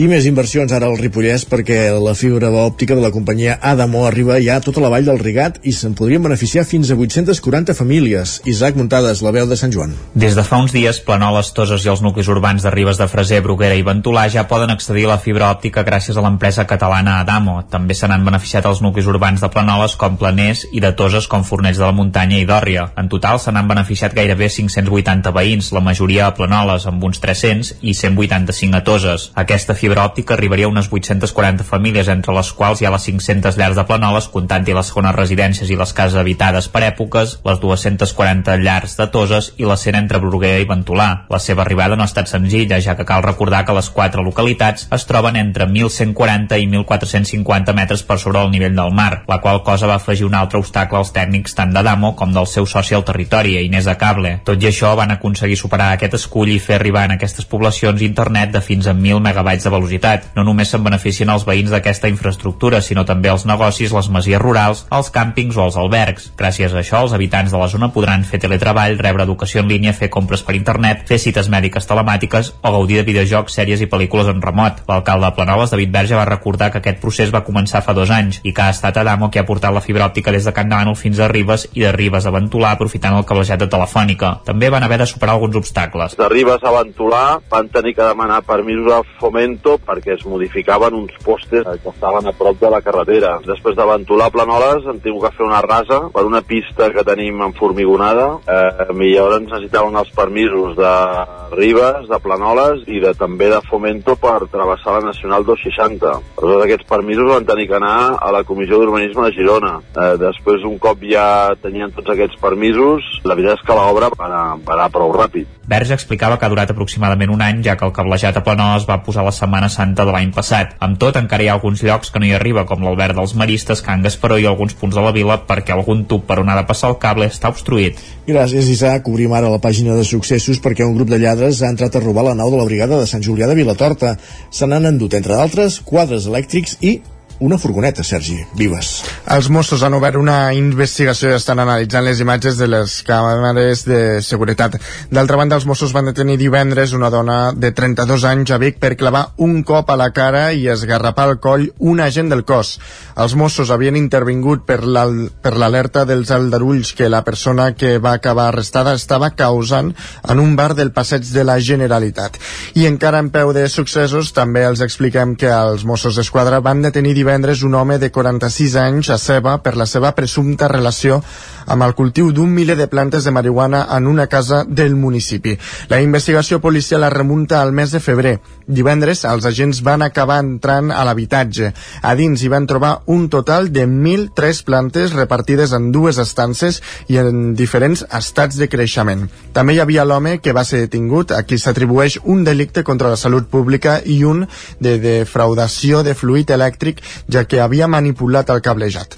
L'home va passar a disposició del jutjat d'instrucció en funcions de Guàrdia de Vic i en la plana política, en la plana electoral del PSC de Sant Feliu de Codines fa pública la llista que acompanyarà Laia Jordana a la seva candidatura. Roger Rams, zona codinenca. Sí, ho ha fet en un acte acompanyada pel diputat codinenc al Congrés dels Diputats, Arnau Ramírez, i els diputats al Parlament de Catalunya, Jordi Terrades i Assumpte Escarp. En els parlaments hi han intervingut les dues persones que segueixen a Jordana a la llista, l'escriptora Gemma Minguillón, que serà la número 2, i Cristian Balat, el número 3. Tant Jordana com Balat han avançat algunes de les propostes electorals. Escoltem per aquest ordre Laia Jordana i Cristina Balat. Sí, jo crec que em puc comprometre a arreglar els pitjors carrers del poble, perquè clar, és evident que ho hem de fer, o sigui, vamos, anem posant parxes perquè tenim poc finançament, però bueno, lluitarem per tenir més finançament de la manera que sigui i farem una llista dels pitjors carrers i ens liarem la manta al cap, farem estudis. A la futura reforma de la farmàcia, per la que tenim ja una part del finançament aprovada pel govern de Catalunya, fer-hi eh, traslladar-hi les oficines de la policia local en allà per fer-ho més accessible als ciutadans, als codinencs, i per donar-hi una visibilitat i una facilitat pels nostres agents i que tinguin també els recursos tècnics que necessitin. Ramírez, que forma part dels suplents de la llista, ha afirmat que amb un de 13 regidors han fet el canvi tranquil, provocant un canvi d'alcaldia mitjançant l'acord, el diàleg i la paraula. Ha afegit i s'ha convidat Escarp i Terrades perquè el seu parer, a banda de parlar de reivindicacions, Jordana les ha dut al Parlament. És veritat, fa molts anys que se'n parla. Però nosaltres, a part de parlar, hem fet alguna cosa més. Hem utilitzat els nostres diputats, les nostres diputades al Parlament de Catalunya, 33, per aconseguir una cosa. Quan hem negociat els pressupostos de la Generalitat de Catalunya amb un govern que no ens agrada però que pensem doncs, que negociant els pressupostos podem aconseguir coses pels nostres pobles i ciutats, hem posat com a condició que la variant de, de Sant Feliu de Codines no es liciti l'any 2024, ni el 25, ni el 26, ni el 2082, que es liciti aquest any.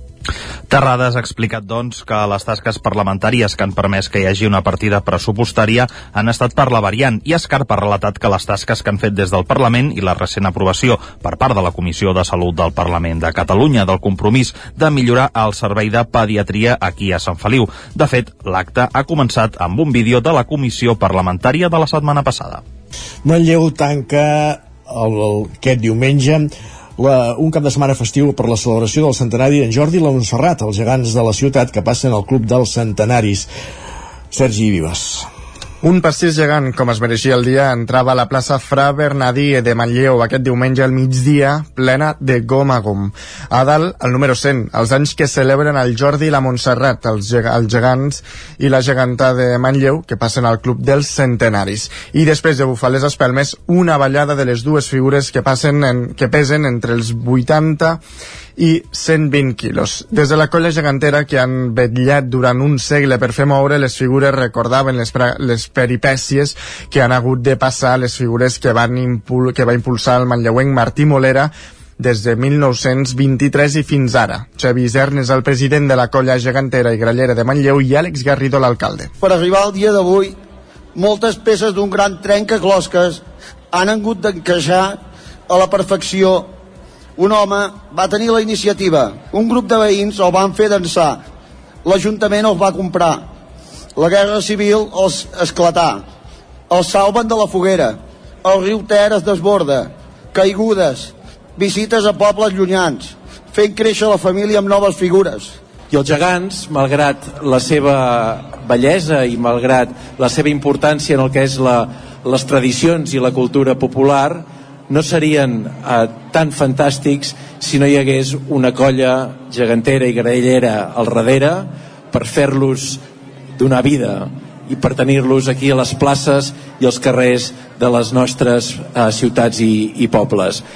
L'acte central es va fer en el marc d'una trobada gegantera que va reunir unes 100 figures d'unes 40 colles d'arreu del país i que va to tornar a sortir de nou eh, en Mall Manlleric, un gegantó que s'ha incorporat a la família gegantera en el marc del centenari. I a la plana esportiva, Andreu Simón completa els 63 quilòmetres dels matxos, de pels camins dels matxos de Torelló, en menys de 6 hores, establint el nou rècord de la prova en 5 hores i 52 minuts, i enduent-se d'aquesta manera els 4.000 euros acumulats al Matxo Pot. Així és, 5 hores i 52 minuts després de la sortida a l'antic camp de futbol del Montserratí a Torelló, l'eufòria es va desfermar al mateix punt. Havent fet 63 quilòmetres amb 6.200 metres de desnivell acumulat, Andreu Simón creuava la línia de meta com a vencedor i aconseguia el registre històric de baixar de les 6 hores a la prova reina de la cursa pels camins dels matxos. Una fita de la qual l'any passat ell mateix es va quedar a 3 minuts i que converteix Simón en el primer guanyador del Matxopot que acumulava 4.000 euros. Tenia moltes, moltes ganes d'aconseguir més que el Matxopot, el repte personal de, de baixar de les 6 hores i més després de quedar-me tan a prop. Eh, realment no és fàcil i, i m'havia plantejat com a objectiu un dels objectius de l'any. Ara doncs haver-ho aconseguit em fa estar supercontent i supersatisfet de la feina Completaven el podi masculí Lluís Ruiz i Abel Carretero. En la categoria femenina la victòria va ser per Anna Pujol, que amb un temps de 7 hores i 54 minuts es va convertir en la tercera dona que va fer la prova en menys de 8 hores. El podi femení el va completar Erola Visquer, Visquert i Neus Colomer. Així arribava Pujol a la línia de meta. I aquest any venia molt preparada, amb el cap bastant centrat de sortir pausadeta i mantenir un ritme constant i ha estat així tota l'estona i m'ho he passat superbé Arnau Montiel, que la feia per primera vegada, es va imposar el tastet del Machos de 23 quilòmetres amb 2.600 metres de desnivell, establint nou rècord, 1 hora, 58 minuts i 35 segons. I Clara Vallès es va imposar en la categoria femenina, que va completar el recorregut en 2 hores, 28 minuts i 27 segons. Acabem aquí aquest repàs a l'actualitat que ha començat al punt de les 10 en companyia de Sergi Vives, Pol Grau, Roger Rams i Isaac Muntades. És moment al territori 17 de saludar el nostre home del temps, en Pep Acosta.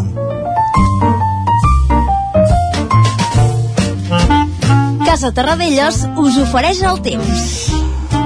Pep, tornarà a ploure avui? Explica'ns-ho, bon dia. Hola, molt bon dia. Ja poden créixer nuvolades de bon matí i ja s'esperen precipitacions a partir del migdia. Uh, on plourà més? Doncs novament a les zones uh, que ja van ser beneficiades ahir, sobretot cap a Osona, però avui les precipitacions s'estendran més. Hi ha més inestabilitat i plourà Osona, Mollanès i sobretot també a Ripollès. Seran els llocs de Catalunya on més plourà. Uh, els llocs amb més pluja crec que arribaran a 15-20 litres, per tant més que ahir, per tant molt bona notícia, i entre el 0 i els 5 litres plourà a bastantes més poblacions, per tant també molt, molt bona notícia. La cota neu baixarà a uns 1.700-1.800 metres, nevada feble cap al Pirineu i els cims més alts del Montseny també es poden tenir una mica d'enfarinada. Molt poca cosa cap al Montseny, sí que el Pirineu la vegada pot ser una mica més important. Uh, moltes màximes entre els 12 i els 17 graus. Vents febles de direccions variables. Esperem que les pluges uh, siguin més importants de les previstes. Demà farem un balanç de tot, però per fi alguna mica de bones notícies pel que fa al temps. Això és tot, a disfrutar el temps, a disfrutar de la pluja allà on plogui. Moltes gràcies, fins demà, adeu. Gràcies, Pep, fins demà. Casa Tarradellas us ha ofert aquest espai. I tot seguit, quan falta mig minut per un quart d'onze, el que farem serà parlar d'economia al territori 17 en companyia d'en Joan Carles Arredondo. Ja us hem explicat que avui parlem de la futura llei de l'habitatge. Abans, un punt d'actualitat, i és que segons informa la periodista Anna Ponsí, eh, la policia espanyola, la policia nacional, ha, ha detingut quatre persones per explotar 20 compatriotes que treballaven tot el dia en sis kebabs sense cobrar ni un cèntim sota l'amenaça que els expulsarien del país. Aquests sis kebabs, doncs, força d'ells són eh, comarques del territori 17, a Mollet del Vallès, Martorelles, Parells del Vallès, Mataró i Torelló. Per tant, com dèiem, quatre detinguts, segons avança la periodista Anna Ponsí, per part de la Policia Nacional per explotació de, de treballadors 20, tenien 20 compatriotes que treballaven tot el dia en 6 kebabs sense cobrar ni un cèntim i sota l'amenaça de ser expulsats del país, recordem-ho, treballaven en locals de Mollet del Vallès, Martorelles, Parets del Vallès, Torelló i Mataró. Dit això, ara sí, parlem d'economia amb en Joan Carles Arredondo del Territori 17.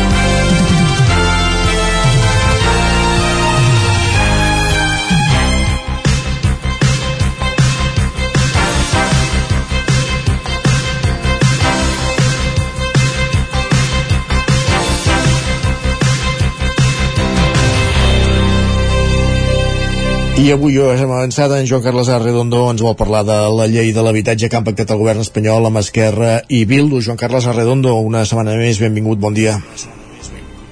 Bon dia. Um, deixem fer una mica de teoria econòmica. Et deixo fer, deixo Faré no ser gaire llarg perquè, per, perquè pot ser, pot ser una mica avorrit, però, però diguem-ne que la metàfora entra com, eh, entra, entra com una sabata i gairebé diria que sense calçador. No?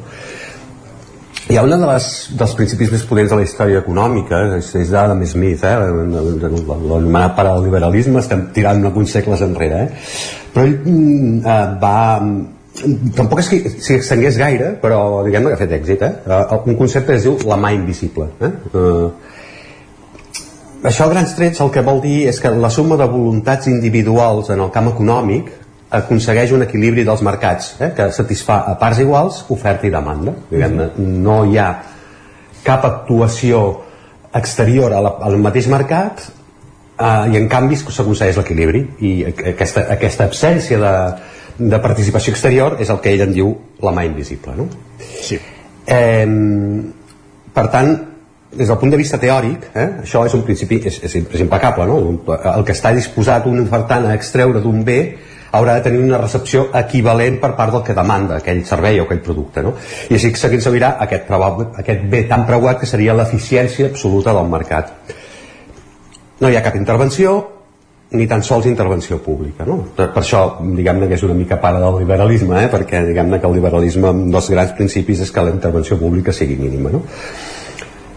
Això és un mercat eficient però les condicions que planteja és molt teòric i per tant estaríem parlant de condicions de laboratori en, en realitat es podria dir que sortosament eh, la realitat eh, contamina aquestes condicions de, de laboratori per, doncs bé, en pocs casos es pot constatar amb més contundència aquesta contaminació que en el mercat de l'habitatge. A aquestes alçades eh, acaba resultant obvi que el mercat per si mateix, sense correccions, és lluny d'aconseguir l'eficiència. No, no, no cal anar gaire lluny, eh? veurem moltíssims exemples de gent insatisfeta perquè els preus són molt elevats, és a dir, hi ha tot un seguit d'externalitats que eh, afecten aquestes condicions de laboratori que les contaminen. No? Eh, tot i que disposar d'un sostre digne és un dret, és un dret reconegut fins i tot a la Constitució, a l'Estatut de Catalunya, per tant un dret públic, els preus, que és un, fer, un afer privat, s'estan convertint en un entrebanc per capes àmplies de la societat. Eh? Per tant, en el cas del mercat de l'habitatge, més que de mà invisible, convé parlar de mà inviable, eh? perquè no s'està aconseguint aquestes condicions eh, favorables. Uh -huh tot, tot, tot plegat, aquest marc teòric serveix per emmarcar que hi ha una intervenció pública eh, en, sí, el, sí, sí. en el mercat de l'habitatge eh, ara mateix, diguem-ne, que el, el, el govern ha pactat això perquè intervindrà, eh, ara explicarem una mica, no, no, no entrarem molt en detalls de, de la normativa. Eh? Um, per tant, per als casos com aquest, eh, en què és constatable que el mercat per si mateix mostra una incapacitat greu per satisfer les necessitats de la població, a qui li correspon jugar de paper d'àrbitre és a les administracions és en funció, per tant, d'aquest paper que sorgeix aquesta iniciativa de regulació del lloguer i això, com bé explicaves al principi, la setmana passada va començar el camí per formar part d'una nova llei d'habitatge que eh, disposaria de prou suport parlamentari com per ser aprovada. Eh? El govern espanyol que formen PSOE i, i Podem, Comuns, etc, tot el que té conglomerat a l'esquerra del PSOE, més Bildu, més Esquerra, diguem-ne que sumen prou suports com per donar-li com, per, com perquè es consideri que aquesta llei pot, pot sortir aprovada uh -huh. entrem una mica en, en algun detall eh? entre la bateria de mesures aprovades ha cridat especialment l'atenció als topalls que s'han fixat a l'increment de les rendes de lloguer sí. Que no pot anar més enllà del 3% en comptes del que es feia fins ara que era l'IPC eh? Uh, i a partir de, això diguem-ne que posen aquest percentatge perquè doni temps eh, perquè una comissió d'experts això de les comissions en, en l'afer públic és, és, un tema, és un tema controvertit eh, diguem-ne però en fi, aquesta comissió que emanarà de l'Institut Nacional d'Estadística determinarà un nou índex de referència que no serà l'IPC que no superarà eh, mai l'IPC eh, eh, per, per fixar les revisions de, de les rendes d'hipoteques també eh, hi, ha, hi ha altres coses, eh? fixen uns criteris més laxes per definir què es consideren àrees tensades, principis més laxes mm, per considerar què és un gran tenidor sobre els quals diguem-ne que s'actua molt en aquesta llei um, per tant aquí tenim eh, un seguit d'actuacions en les quals la regulació pública, el que es podria considerar la mà visible eh, en, en, aquest, en aquest signe que estem fent, tindrà més capacitat d'incidir per evitar increments de costos dels habitatges. L'Estat juga així, el que dèiem, eh, un paper d'arbitratge allà on el mercat ha demostrat, ha demostrat ser ineficient. Perquè és veritat que és ineficient que hi hagi zones en les quals els possibles llogaters d'un habitatge han de destinar una part dels seus ingressos tan elevada que li deixen poc marge per afrontar altres despeses. Això no és eficiència mm, i no només perquè s'incompleix aquest dret reconegut que, que, que, que dèiem abans, sinó mm, que és un atemptat al més pur sentit de l'equitat dels ciutadans, és a dir, només pot accedir a un habitatge digne, diguem-ne, aquell que té més diners, per tant, aquí no, no, no s'està complint un principi d'equitat que seria desitjable, no?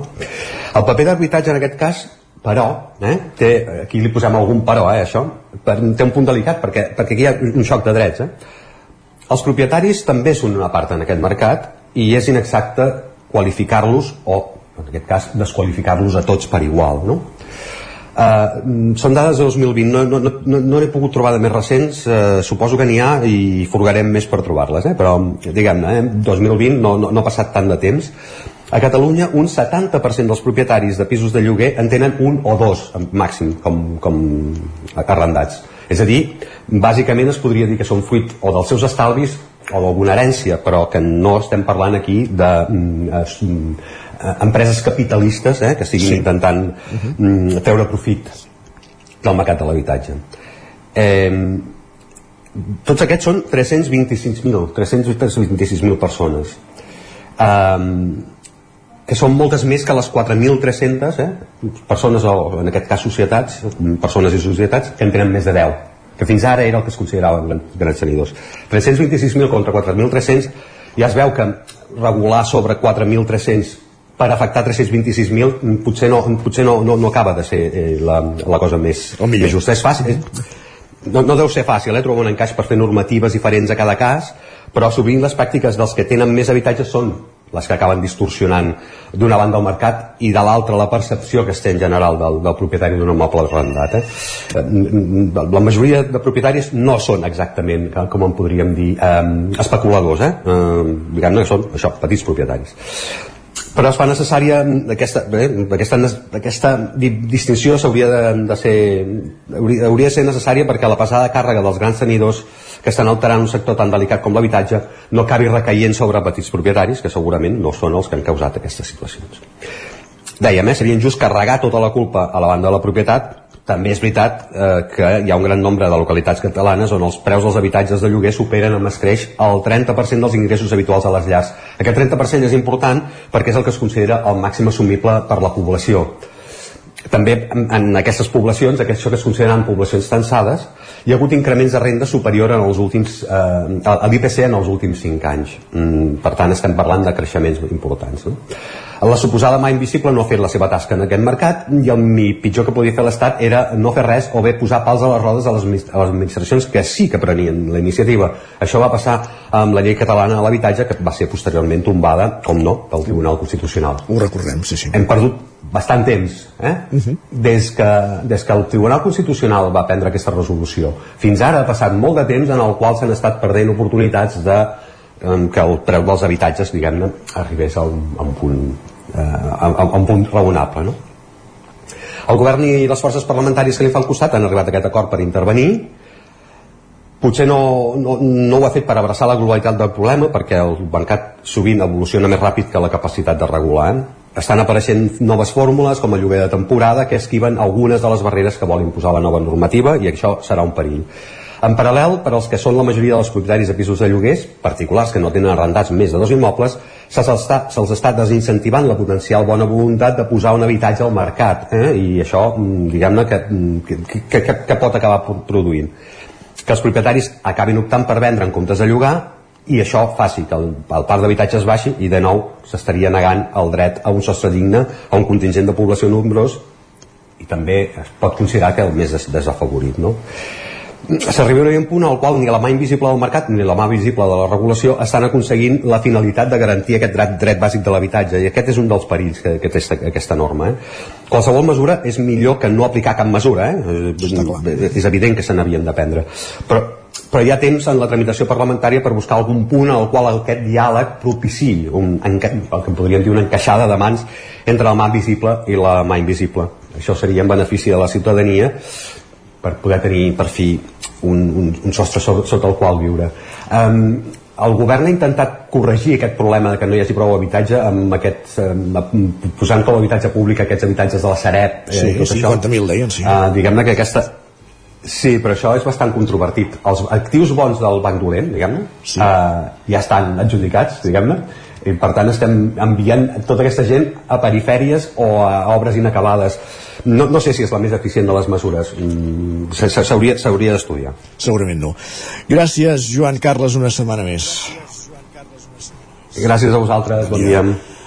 Avancem al territori 17 després de posar-nos al dia d'aquest projecte de llei de, de l'habitatge. Uh, tot seguit el que fem al territori 17 és una petita pausa. De seguida ja ens acompanya en Guillem Sánchez amb el més destacat que ha trobat a Twitter i acabarem el programa amb el recuperant el racó de pensar amb la Maria López des de Ràdio Televisió Cardedeu. Fins ara mateix. El nou FM, la ràdio de casa, al 92.8. Per moure't, lloga un cotxe ALR. Per moure la família, lloga un minibús ALR. Per moure coses, lloga una furgoneta ALR. Per moure la casa, lloga un camió ALR. Lloguer de cotxes, furgonetes i camions ALR. Ens trobaràs al carrer Francesc Sant Climent 83 de Vic i també a Olot i Manresa. Informa't en el 93 888 60 57 o bé consulta el web alr.cat. A Boi Galtés trobaràs tot el que necessites relacionat amb l'equitació, t'assessorem i t'equipem amb tot el que et faci falta. Som especialistes. No ho dubtis i vine a Boi Galtés. Ens trobaràs al carrer Jaume I de Vic, número 5, al 93 886 1420, a la nostra web www.boigaltés.es i també som a Instagram, boigaltés.equitació. Aquesta primavera, Centelles és màgia. El 15 d'abril participa a l'onzena cursa pel poble saharaui. El 22 d'abril vine al concert dels Catarres com a prèvia de la gran festa de Sant Jordi. L'1 de maig, a plec del Turó de Puigsegordi i el 7 de maig, concert amb el cantautor californià Danny Moff. També pots participar a la Caminada Solidària Popular el 21 de maig i el 10 i 11 de juny, 14a Fira de la Ratafia de Centelles. I celebrarem el solstici d'estiu amb la Festa de Sant Joan. Centelles és màgia. El 23 d'abril és Sant Jordi, el dia del llibre. Com m'agrada aquesta festa. Aniré a la llibreria Mater de Vic uns dies abans per escollir els llibres que vull regalar. A la Mater tenen varietat i bona selecció de llibres. Demanaré que m'emboliquin una de les noves novel·les i un llibre de cuina. I potser un d'esport i de natura. I no em puc oblidar de buscar uns contes de la secció infantil. Quina il·lusió! Ja puc veure els seus somriures quan obrin els regals.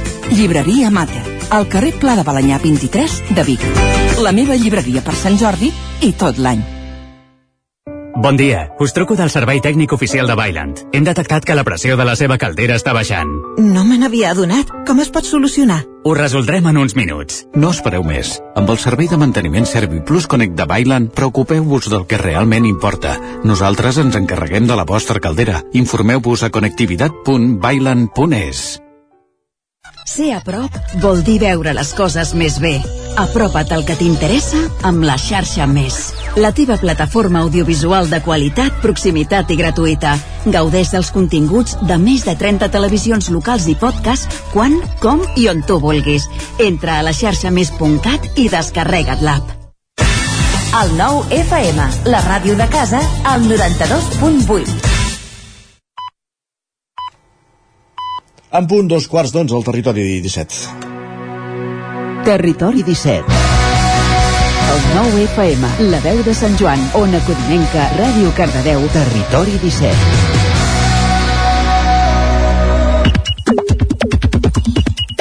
No pensi pas que t'hem canviat la sintonia. Guillem Sánchez, benvingut, bon dia, una, un dia més. Què tal, què tal, com estem? Bé, i tu? Bé, a vegades passen coses paranormals que no ens podem explicar, ja Moltes, està. no, no t'ho explico. No, si vol, no, no cal que t'ho expliquis. Igual, no. Vas veure crims ahir, Isaac, o què? Uh, sí, cada cop és més avorrit. Va, parlem una mica, va, sí, parlem sí. una mica. Uh, el cas de Yimi, Yimi Cox, eh? Sí. I en Jaume ens dona el bon dia amb el següent missatge. Ens diu, ja Últim capítol i ja posem vinyetes i dibuixos. Tot el pressupost gastat a Platja d'Aro. De fet, eh, he llegit també algun comentari... Són, són cars, eh, els, di- el- les banyetes i els dibuixos amb tele. He sentit, ai, he llegit un, un comentari que, que anava en aquest sentit que parlava que semblava la, la pel·lícula de, com es diu, uh, Chico i Rita Pot ser, sí. que també tenia, tenia un aire aquest, sí, aquest tipus d'audiovisual. Va, l'Adrià també hi afegia, diu, la música llatina de fons per no fer tanta por. Home, doncs sí que fa... En fi, és igual. no entraré en gustos musicals. Acaba, acaba la frase, No Isaac. entrarem en aquest jardí, perdó. Acaba la frase. Va, i com sempre, els usuaris de Twitter ens destaquen la perícia i les aventures dels agents de l'autoritat eh, en els diferents capítols. Eh, ahir ens escrivien també que li disparin un tret al cap a algú s'escapa una mica de la, de la normalitat. Diu, els Mossos avui estan on fire. Exacte. Se'n van adonar ahir també que això no és pas normal. Sí, sí, que... perquè lo normal és que hi hagin baralles amb ganivets. Correcte. Molt normal, sí, sí. Va, i per qui no veiés ahir el capítol, se'n pot fer una idea bastant sencera llegint el resum que ens en fa l'Anna, que ens diu el tal Carapan es baralla amb el Llimi a la discoteca Agapitó perquè li, li toca el cul a la seva nòvia. Llavors va i el mata a la, a la disco Juanchito. Mentrestant, l'altre a casa embarassada veient coses paranormals. Coses habituals de la Catalunya sencera. Veient això, el candidat a un regidor de Roda se'n va, se'n va escapar barat. Tot. Més qüestions, va. I l'Agustí ens deixa va per escrit el que tothom havia pensat ahir en algun moment que diu Carapan passa a competir seriosament amb Paco Fiestas com a millor sobrenom de crims. No sé si et quedes per això amb algun dels, dels, dels dos. Uh, no, francament no. Amb cap dels dos? Va, i una altra de les notícies d'ahir va ser el retorn de la pluja en alguns indrets Ah, de Catalunya. anaves a dir la compareixença del Barça amb el cas Negreira. No, de la porta. és que se'm, se'm, se'm, se'm fa una mica avorrit ja això, D'acord. Isaac. Doncs va, parlem de la pluja. És millor Parlem parlar de la, no de la pluja. Ara bé, no sé, no sé si sempre plou al gust de tothom, diria que no. Home. De fet, algun usuari ens diu per Twitter avui Fa dies que ho penso. Mira que si la sequera a Barcelona acaba diumenge, a veure si al final la tradició haurà d'incloure un paraigua. Mira, doncs mala sort si s'ha d'anar paraigües per Sant Jordi, tu. Que de fet li- Ben, ben falta que fa l'aigua. I tant, de fet li responen, diu cap Sant Jordi sense el neguit de la, de la pluja. Jo crec que, hauria de, que el que hauria de fer tothom és entrar ara mateix al Meteocat, buscar la predicció municipal, a veure si el seu poble plourà aquest diumenge per saber a quin lloc pot anar i a quin lloc no. I si no, un paraigües i sense cap problema. No? Ara ho has dit. Va, i és que això de la festa de la rosa i el llibre sempre, com dèiem, eh, porta incorporat aquest desig de bon temps, si no per això sempre es pot anar a una llibreria o a una biblioteca. Llegim el tuit de la Laia, atenció. Diu, sempre molt a favor de les biblioteques, però quina patinada, Verge Santíssima. Què vols dir? Ha patinat, ha patinat a, a dintre la Ah, bi- biblioteca. d'acord, entesos. Quan estava allà, patinada física, és a dir, Sí, que sí, s'ha sí, no. fotut de morros contra el terra. D'acord. No sé si és perquè a vegades amb aquests uh, edificis nous o això que posen aquests terres... Enceren, enceren. Sí, correcte, que fa pluja, sensació de, de pista de gel uh, a vegades. Va, parlant de caigudes, atenció a la situació que ens exposa la Judit. Diu, avui un pare li ha dit a la seva filla petita que jo era una bona ciutadana per esperar-me a que el semàfor es posés en verd. Després he procedit a entrebancar-me i tot l'orgull del moment ha caigut a terra amb mi al darrere. Bon dia. Bon dia.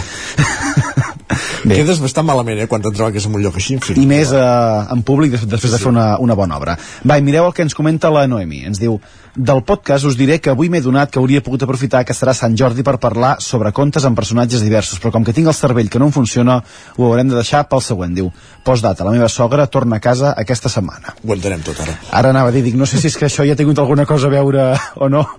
Podria ser. Podria ser. Va, i és que a en Marco li ha passat també alguna cosa similar i ens ho deixa escrit per Twitter, ens diu Ostres, avui que ha vingut la sogra, que ha tornat d'uns dies de vacances a Pisa, va i se'm sucarrima la fideuà que estava fent. Ara haurem de demanar a domicili un rotlles de primavera al xinès per passar el tràngol. Aviam si, si en surt ben parat. Diu, i, i, i la sogra que ja és a casa. De fet, llavors, fa una mica de trampa, perquè en Marco eh, tenia una fotografia d'una fideuà una mica negra, però és perquè hi havia tirat eh, tinta de, De calamar. de calamar, per tant, fideuà negra amb una miqueta de trampeta. Molt bé. Va, Gràcies, Guillem. que vagi molt bé, Isaac. Va, adéu. Territori 17, el 9 FM, la veu de Sant Joan, Ona Codinenca, Ràdio Cardedeu, Territori 17. I com dèiem, avui al Territori 17 estem de reestrena, torna al racó de pensar amb la Maria López, aquí ja li direm la benvinguda tot seguit, per parlar dels gronxadors del Roure. Explica'ns què és, Maria, bon dia. Bon dia i benvinguts i benvingudes. I no us enganyo si us dic que m'emociona dir el que diré ara, que és benvinguts i benvingudes novament al racó de pensar. Durant el darrer any i amb l'esforç de totes les companyes de Territori 17, hem dedicat aquest espai, aquesta mitjoreta dels dimarts, a parlar de feminisme, de les diferències de gènere, i ens hem dedicat durant tot un any a posar sobre la taula tan grans iniciatives del moviment feminista, així com grans deficiències socials que hi ha al respecte encara a dia d'avui. Durant aquest any, gràcies a Territori Dona, hem pogut fer més visible la feina que encara ens queda per fer en el camí per la igualtat plena entre homes i dones. Hem fet autocrítica i hem après moltíssim, també com a professionals de la comunicació. Però per fer-ho vam deixar suspès temporalment el nostre estimat racó de pensar, una secció que durant més de 3 anys ens havia permès debatre sobre educació i família, setmana rere setmana. Així que després de tot un any hem decidit que, per què no, per què no aquest espai de reflexió i debat, com sempre havia estat el racó de pensar, tornava per englobar qualsevol debat, no només sobre educació, no només sobre feminisme, sinó per regalar-nos aquesta estona on puguem posar sobre la taula qualsevol qüestionament possible sobre la societat en la que vivim, sobre les emocions i sobre com transformar aquesta societat en la que ens ha tocat viure en un lloc cada cop millor. Així que aquí ens, ens teniu, torna al racó de pensar i torna més obert i amb més ganes de debat i conversa que mai. Així que tret de sortida una nova etapa, benvingudes al nostre racó i comencem perquè avui arrenquem novament per parlar del dol dels infants i dels gronxadors del roure.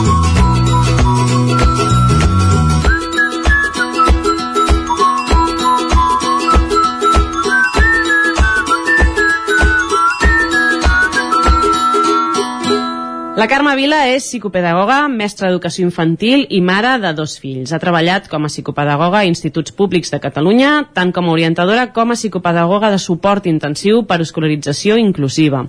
Fa només uns dies, i a través d'una publicació d'Instagram, em va arribar l'anunci del seu primer llibre, Els gronxadors del roure, amb el subtítol que deia Eines i reflexions per acompanyar el dol dels infants partint d'una experiència real. Amb aquest subtítol, al meu cap es van obrir ja de base dos melons importants. D'una banda, el tabú de la mort, i d'una altra, l'experiència del, de, des del punt de vista dels infants. El tema és que quan comences aquesta història, ja a la primera pàgina del llibre, descobreixes que aquesta experiència real de la que ens parla la psicopedagoga, la que anuncia aquest títol, no és la d'un altre, sinó que és la seva pròpia història, la història de la Carme, la que ha viscut amb el seu fill. Un llibre que, partint del que han viscut, ajuda a que altres persones que es puguin trobar en la mateixa situació sàpiguen una miqueta més què s'hi pot fer, si és que s'hi pot fer alguna cosa per pal·liar aquest dolor. Molt bon dia, Carme, i moltíssimes gràcies per venir avui a aquesta retornada del racó de pensar. Hola, bon dia, Maria. Gràcies per invitar-me.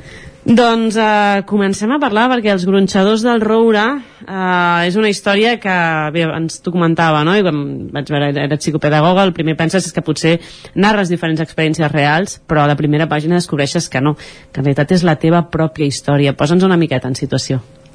Doncs bé, bàsicament és que mm, narrar la història que ha viscut el meu fill no? en el seu dol per la malaltia i la mort del seu pare uh, i tot l'acompanyament que ha rebut a nivell familiar i a nivell escolar pensàvem que podia ser uh, útil no? i podíem ajudar molta gent compartint la nostra experiència personal donat que, com tu molt bé deies, no? l'amor realment és un tabú en la nostra societat i més si s'enfoca a infants. No? Llavors, eh, contribuir una mica a més consciència, a més mirada i a que hi hagi més, més apertura cap a aquests temes. No? I vam, bueno, vaig pensar que era una bona idea poder-ho transmetre a partir d'un llibre i compartir la meva experiència personal quan eh, diem un tabú, és un tabú per tothom, per adults i infants, però encara més no? quan, quan es tracta d'infants, de fet un dels exemples que, que poses, segur que ens hem trobat moltes persones eh, de manera més habitual, no? la mort d'un avi o la mort potser d'una persona que no és tan propera en aquest cas com seria la mort del seu pare, però que de seguida el primer debat és va al tanatori o no va al tanatori el nen, no? I moltes vegades directament ni se li pregunta per què ens costa tant parlar de la mort i per què ens costa tant que els nostres fills i filles s'enfrontin a aquest tema. Doncs la veritat és que mm, moltes vegades m'ho he plantejat i no acabo de trobar una resposta concreta, però sí que sento com a societat que estem lluny d'aquest tema, que alhora pot semblar, segons com, eh, contradictori, perquè quan naixem la única veritat que tenim és que en algun moment morirem, inclús abans de néixer, quan estem a dins del ventre de la nostra mare, no? i hi pot haver un dol gestacional. No? Llavors, sabent que és l'única certesa a la vida que tenim que marxarem, és de les poques coses que mai revisem, no? I, i, i equacions de segon grau sí que n'aprenem, no? Però, però en canvi... Que és curiós, no?, que sembla potser, que, que se li doni tanta importància a això, a coses que al final podràs acabar fent amb una calculadora, realment, i en canvi una cosa que és de vivència natural i que saps, que dius tu, no?, que al final és l'única cosa que tens segura que passarà, no, no ens, ens costi tant enfrontar-nos, no? Total. Jo, no, la veritat és que el llibre no va de, de trobar la resposta de per què una cosa o si s'ha de fer així o aixà, va de que cadascú trobi la seva pròpia resposta, no? Per això eh, trobo interessant no? compartir l'experiència i acompanyar que l'altre trobi la seva pròpia veritat, no? perquè de veritats n'hi ha tantes com persones, no? però sí que hi és una veritat rotunda que tots marxarem en algun moment i que tots els que coneixem i que ens envolten també ho faran, no? I, i això, i no ens ho revisem massa i crec que pot, pot ajudar moltíssim, moltíssim en el dol d'un infant a estar acompanyat, no? perquè perquè passarà i seguirà passant, no? Hi haurà dols a la vida perquè és inevitable, està implícit en el fet de viure. Però eh, viure-ho podent sentir-te acompanyat o viure-ho sense aquest acompanyament canvia moltíssim i el dol pot passar a ser molt més saludable si l'infant o la persona se sent acompanyada no?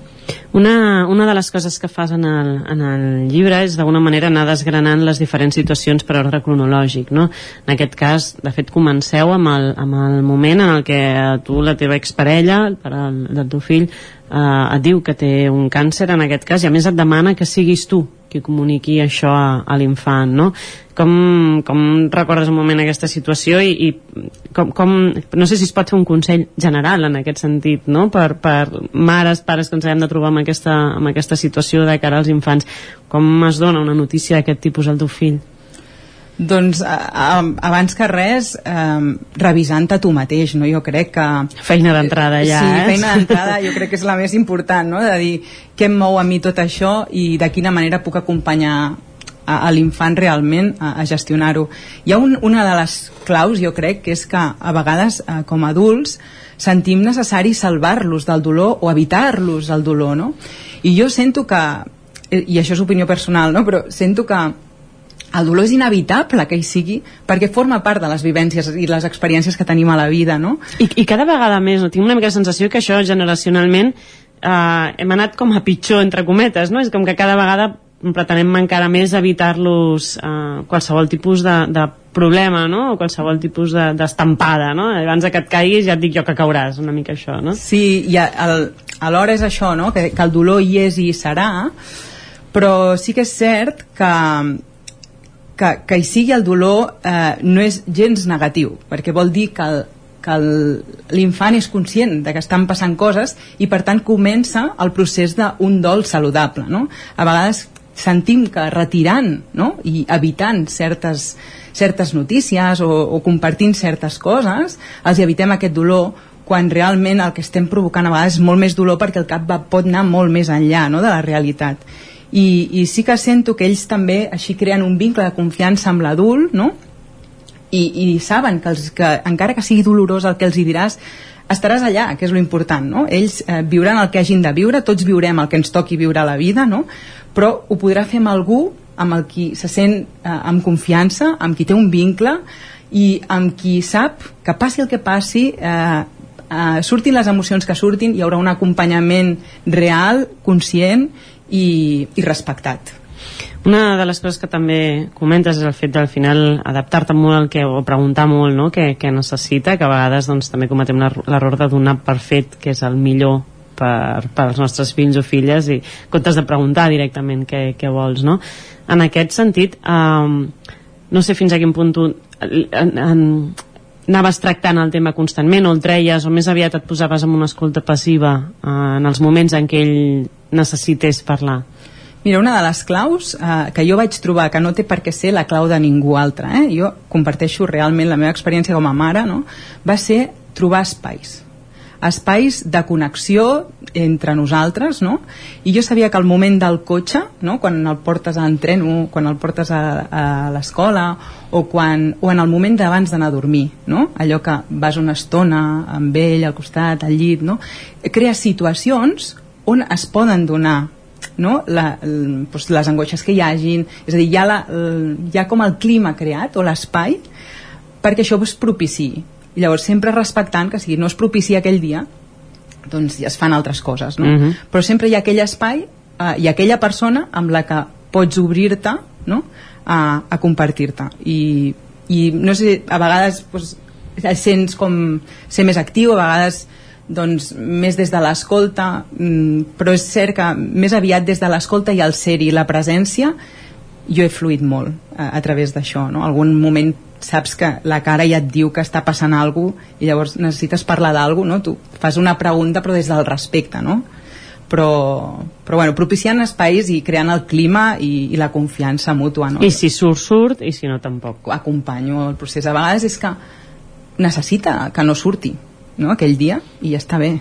i simplement que estiguis allà i ja està. Ara estàvem parlant d'alguna manera el que és l'acompanyament que, que has fet tu com a mare, però al final els infants en el seu dia a dia s'enfronten amb molts altres entorns, no? I d'això també en parles, de fet, del, del què passa amb l'escola, què passa amb els, amb els companys i companyes de classe de l'esport que practiqui, uh, fins a quin punt és necessari comunicar que està passant aquest procés l'infant o ha de ser cosa seva?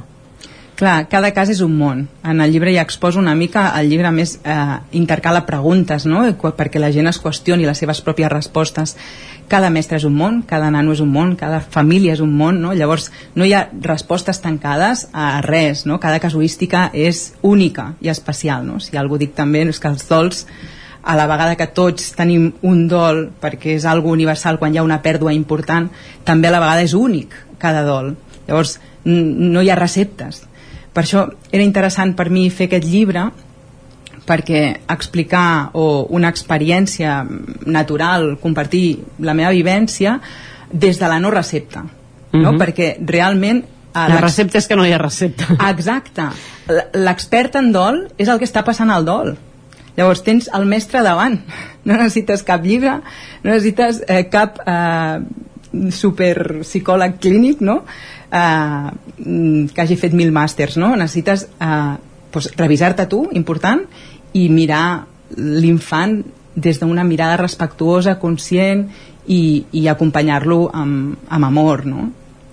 En el vostre cas, a més a més, fins i tot va, va suposar aquest acompanyament, diguéssim, per dir-ho d'alguna manera, un, un canvi de plantejament de vida, d'estructura quasi, no? fins i tot amb un trasllat, amb canvis de feina i en el teu cas fins i tot una excedència, no? I, de fet fa servir una frase que m'ha agradat molt, que és que a vegades com un infant de casa pot ser un, el motor d'un canvi que a la llarga acabi sent positiu per tots, no? Que, co- com us vau plantejar vosaltres la situació i tot aquest canvi?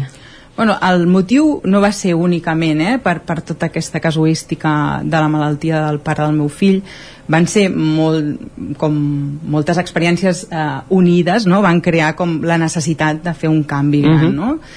I, i res, eh, aprofitant els canvis jo fa eh, anys no, a la vida que, que veig que les coses són per algun motiu i que, i que s'han de s'han d'aprofitar no? i que si la vida et porta cap a aquesta corrent per algú serà, mira tu bé no? i, i aprofita-ho i realment això, eh, la vida m'ha portat cap a camins inesperats eh, i, i els hem aprofitat i, ara som feliços allà, també ho érem aquí vull dir, i cada tram del camí és important, és necessari i és igual de vàlid perquè al cap i a la fi tots porten aprenentatges no? Uh -huh. eh, tant és així en aquest sentit que tu una de les coses que et va portar a fer uh, aquesta situació és a formar-te en, precisament en acompanyament en el, en el dol i a ser voluntària a, a l'hospital d'alguna manera visquent també aquesta, aquesta experiència per fer-ho per altres persones no? Sí, realment eh, a mi aquest món des de feia temps ja em cridava l'atenció però el tenir doncs, la necessitat real d'acompanyar eh, l'infant que tenia davant eh, em va fer em va com donar l'impuls o va ser el motor no? per dir, ostres, la vida m'ho posa al davant ho aprofito i, i, i m'arremango no? llavors em vaig formar, em vaig posar de voluntària vaig estar acompanyant doncs, persones amb malalties greus, terminals i, i vaig obrir aquí un camí de vida que no m'esperava i, que, i que realment m'ha nodrit i bueno, em fa sentir eh, espectacularment eh, plena no? perquè realment t'ajuda i t'acompanya a ser molt més conscient del que és més important a la vida és com que et connecta més amb tu mateix no? Mhm. I, amb el, i amb el valor real que té estar aquí no? una de les coses per això que expliques que no, no sé, podríem dir que és quasi com una reivindicació és que moltes vegades aquest procés cau en mans de persones voluntàries no? als hospitals, eh, que falta professionalització en aquest sentit o, o ja està bé que sigui així perquè d'alguna manera qui ho fa ho fa des d'un moment vital o des del, des del cor amb una altra perspectiva el meu sentir, opinió personal total és que hauria de ser remunerat i hauria d'estar dins del sistema Uh, mira, fa poc no, sortien els pallapupes de, uh Mhm. -huh. fan una feinada brutal aquesta gent uh, a nivell emocional jo crec que hi ha una part una mica descuidada no dic que no hi hagi bons professionals amb una part humana i amb una implicació brutal perquè hi són i seria negar una evidència però sí que és veritat que, que hi ha poc temps a vegades per dedicar a temes tan importants com és el, a- acompanyar tot el que se li mou una persona quan està vivint un procés així, no? I a vegades hi ha familiars o hi ha xarxa social que pot acompanyar aquell malalt com ell necessita, però a vegades no és així, no? I a vegades hi ha un dolor que sí que és físic, els metges hi poden eh, col·laborar-hi molt i portar la medicació allò doncs, on toca, no? perquè, perquè el pacient estigui controlat a nivell de dolors i això, però hi ha un altre tipus de dolor, no? que és, que és l'emocional, que és un patiment que va més enllà i que és normalment quan es comparteix amb algú amb el que et sents eh, acompanyat realment, no? Mhm. perquè a vegades també passa a mi em passava no, a l'hospital que hi ha xarxa social i hi ha xarxa familiar però eh, la família té por de dir segons què no? el malalt i el malalt té por de dir segons què als familiars no? llavors es van com eh, autosilenciant coses no? que, que, que el malalt necessita no? expressar i a vegades amb algú extern de fora no? li pot dir, mira, m'estic morint, ho sé, estic trist per això i per això i per això, però necessito compartir també que tinc por per això, per això i per això. I a vegades amb un familiar no t'atreveixes perquè saps que ho està passant malament. No vols ferir d'alguna No vols manera. ferir d'alguna manera. Llavors hi ha aquí com un...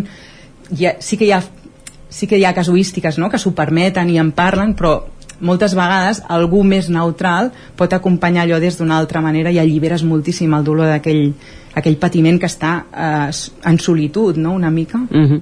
uh, en un dels capítols de fet parles de les fases del dol hi ha unes fases totalment reconegudes o això és com molt personal? Mira, en el capítol on parlo de les fases del dol, precisament és una mica per contraposar la meva mirada. Uh, per una mica expressar que qui realment et marcarà el procés de dol és l'infant o la persona que estigui vivint el dol. Que mm, les fases eh, poden estar molt bé, jo no, dic, jo no nego mai res no, a nivell mèdic, però la meva experiència, i, i ho argumento no, en el capítol, és que és més important mirar el nano o, o qui tinguis davant que, que mirar un llibre i intentar justificar o qualificar o quantificar en quin punt es troba, quants anys són, quan... cada persona ho viurà de la seva manera, tardarà el temps que hagi de tardar, a vegades són dols que no acaben d'acabar-se mai, però la clau és doncs, anar processant, anar integrant, anar digerint i aprenent a viure més i millor sense doncs, havent, bueno, processant el dol com un pugui, no? Quines, si, si haguéssim de dir una diferència bàsica o quina creus que és la diferència bàsica entre com viu el dol un adult que potser ha meditat més sobre la mort i com el viu un infant? Jo no sé si puc generalitzar molt, no? perquè és el que et dic, que són, són aspectes poc generalitzables donat que, que els dols són únics, però sí que veig que els nens tenen una naturalitat davant de les coses que els adults ja tenim molts més filtres mentals. No? Nosaltres és, hòstia, que no vagi el tanatori per això, per lo altre, no? perquè i el nen, si tu li expliques, li, li anticipes que és un tanatori o, o anar a acomiadar-se a la persona, no? a vegades ho viuen amb una naturalitat i, i ostres, doncs mira, està fred, no? el cos està... i ja està, i l'han vist i s'han quedat tranquils i se'n van i fan un procés molt més natural, molt menys eh, feixuc, molt... sempre i quan estiguin acompanyats, no? com tinguin algú al costat que pugui sostenir-los en un moment, no? Però el tema és que, clar, els veiem plorar i ja ens angoixem, no? O, o veiem que tenen por i... Oi, tenen por, no? I... Pel que dèiem una mica, de voler evitar aquest mal, no? Aquesta tristesa. I que bé que tingui por, vol dir que és conscient de que el que està passant és greu, no? I, i està fent un procés intern eh, que l'ajudarà a processar tot el que ve, no? Mhm. o, o que important que plori, que important que pugui expressar i compartir tota la tristor que sent a dins amb algú, no? eh, no, no, no estarà millor si no plora que si plora, és a dir, cada nen ho viurà diferent, però en tot cas si té ganes de plorar i s'ho està reprimint perquè tu no et preocupis, és, és un afegit que no cal, no? Mm -hmm. I fins a quin punt suposo que també és un moment on deuen sorgir molt, molts debats interns per part de l'infant sobre el què passa després de la mort, no? Aquesta part potser més espiritual de, de, de què hi ha després, perquè nosaltres com a adults suposo que ja hem fet moltes vegades aquestes reflexions, eh, saps de què va el tema de les religions, has rebut moltes altres, molts altres inputs, suposo que un infant aquesta feina li surt de cop, no?, en aquest sentit. Clar, quan tu trobes a sobre, no?, i ara què passa, no?, i ara què... Mm, eh, surt quan ha de sortir com ha de sortir, eh? I llavors l'infant trobarà la seva resposta. Vull dir, no és important la resposta la, la, meva, la meva experiència és que no és tan important la resposta, sinó com aquella resposta que l'infant sent el fa sentir amb ell mateix. No? Si li dona pau, si li dona tranquil·litat, si li dona seguretat, és la resposta. Uh, et volia preguntar ja quasi per, per acabar, perquè es passa el, el temps volant, però sobre el llibre, què ha significat per vosaltres com a família i a tu com a Carme poder escriure aquest llibre? La veritat és que moltíssim, no pots arribar a imaginar perquè, clar, primer que jo no havia escrit mai un llibre, no? és el meu primer llibre, i segon que mostro en canal l'experiència familiar i personal. Aquest és el primer que m'has dit, m'he obert en canal. M'he obert en canal, i això, clar, m'ha representat a mi moguda interna però em neix una força tan gran a voler contribuir a que infants com el meu fill puguin sentir-se acompanyats tant per part de l'escola com de casa puguin sentir-se acompanyats i puguin mm, ser acompanyats des del respecte i des de l'amor i des de la naturalitat, no? perquè sóc conscient de, de lo molt que pot beneficiar aquest nano no? i llavors trobo que a través d'un llibre jo també faig tallers sobre com acompanyar el dol a les aules o sobre com acompanyar el dol a, a casa, no? en famílies però em trobo moltes vegades que la gent no s'atreveix a venir perquè se sent fràgil, perquè se li acaba de morir no sé qui i no vol mostrar-se davant del grup no? i llavors em passa moltíssim en els tallers i vaig pensar que un llibre potser era la manera no? de dir, d'arribar a aquesta gent potser, no? o sigui, a casa teva plores, gestiones no? llavors una mica diverses coses de les que tracto en el taller i de com les enfoco estan en el llibre perquè cadascú a casa seva no? si se sent fràgil, vulnerable per sentir-se exposat davant d'un grup pugui fer-ho des de la intimitat no? i per, per aquí va néixer, però clar, m'ha pogut més potser la força d'acompanyar i després m'he vist com embolcallada amb tot el que... M'he ficat aquí i ara, m'estic explicant la història, contenta, no? Tot i així em sento molt feliç i també molt agraïda per l'editorial que de seguida em va dir un sí gegant i ha confiat des del primer dia en tot aquest projecte i, i que també jo crec que és un projecte estimat no? també per, per l'editorial i, i res, eh, agraïdíssima no? de que hagi sortit a la llum i desitjo i confio i t'asseguro Maria eh? que és el que més eh, desitjo en el món que és que pugui ajudar gent On el pot trobar la gent aquest llibre? El podrà trobar a qualsevol llibreria per Amazon i jo crec que això serà bàsicament. Que, que diumenge Sant Jordi, eh? Sí, per Sant Jordi uh, sí que sé que a Cardedeu segur, tant el compàs com el va de llibres, sé que a Sant Celoni els Quatre Gats també, i sé que la Gralla de Granollers també. El... Doncs uh, fins aquí el racó de pensar d'avui. Tornem al relleu cap a Vic perquè l'Isaac pugui dir adeu al territori 17 d'avui. Doncs sí, és el que toca fer. Gràcies, Maria, una setmana més i ens retrobem amb el racó de pensar dimarts vinent. Acabem aquí al Territori 17, us hem acompanyat des de les 9 del matí, Pol Grau, Roger Rams, Isaac Muntades, Pepa Costa, Joan Carles Arredondo, Guillem Sánchez, Maria López, Clàudia Guinarès, Sergi Vives, Isaac Moreno. I tornem demà a partir de les 9 del matí fins aleshores. Gràcies per ser-hi, bon dimarts. Territori 17 un magazín del nou FM. La veu de Sant Joan, Ona Codinenca i Ràdio Cardedeu amb el suport de la xarxa.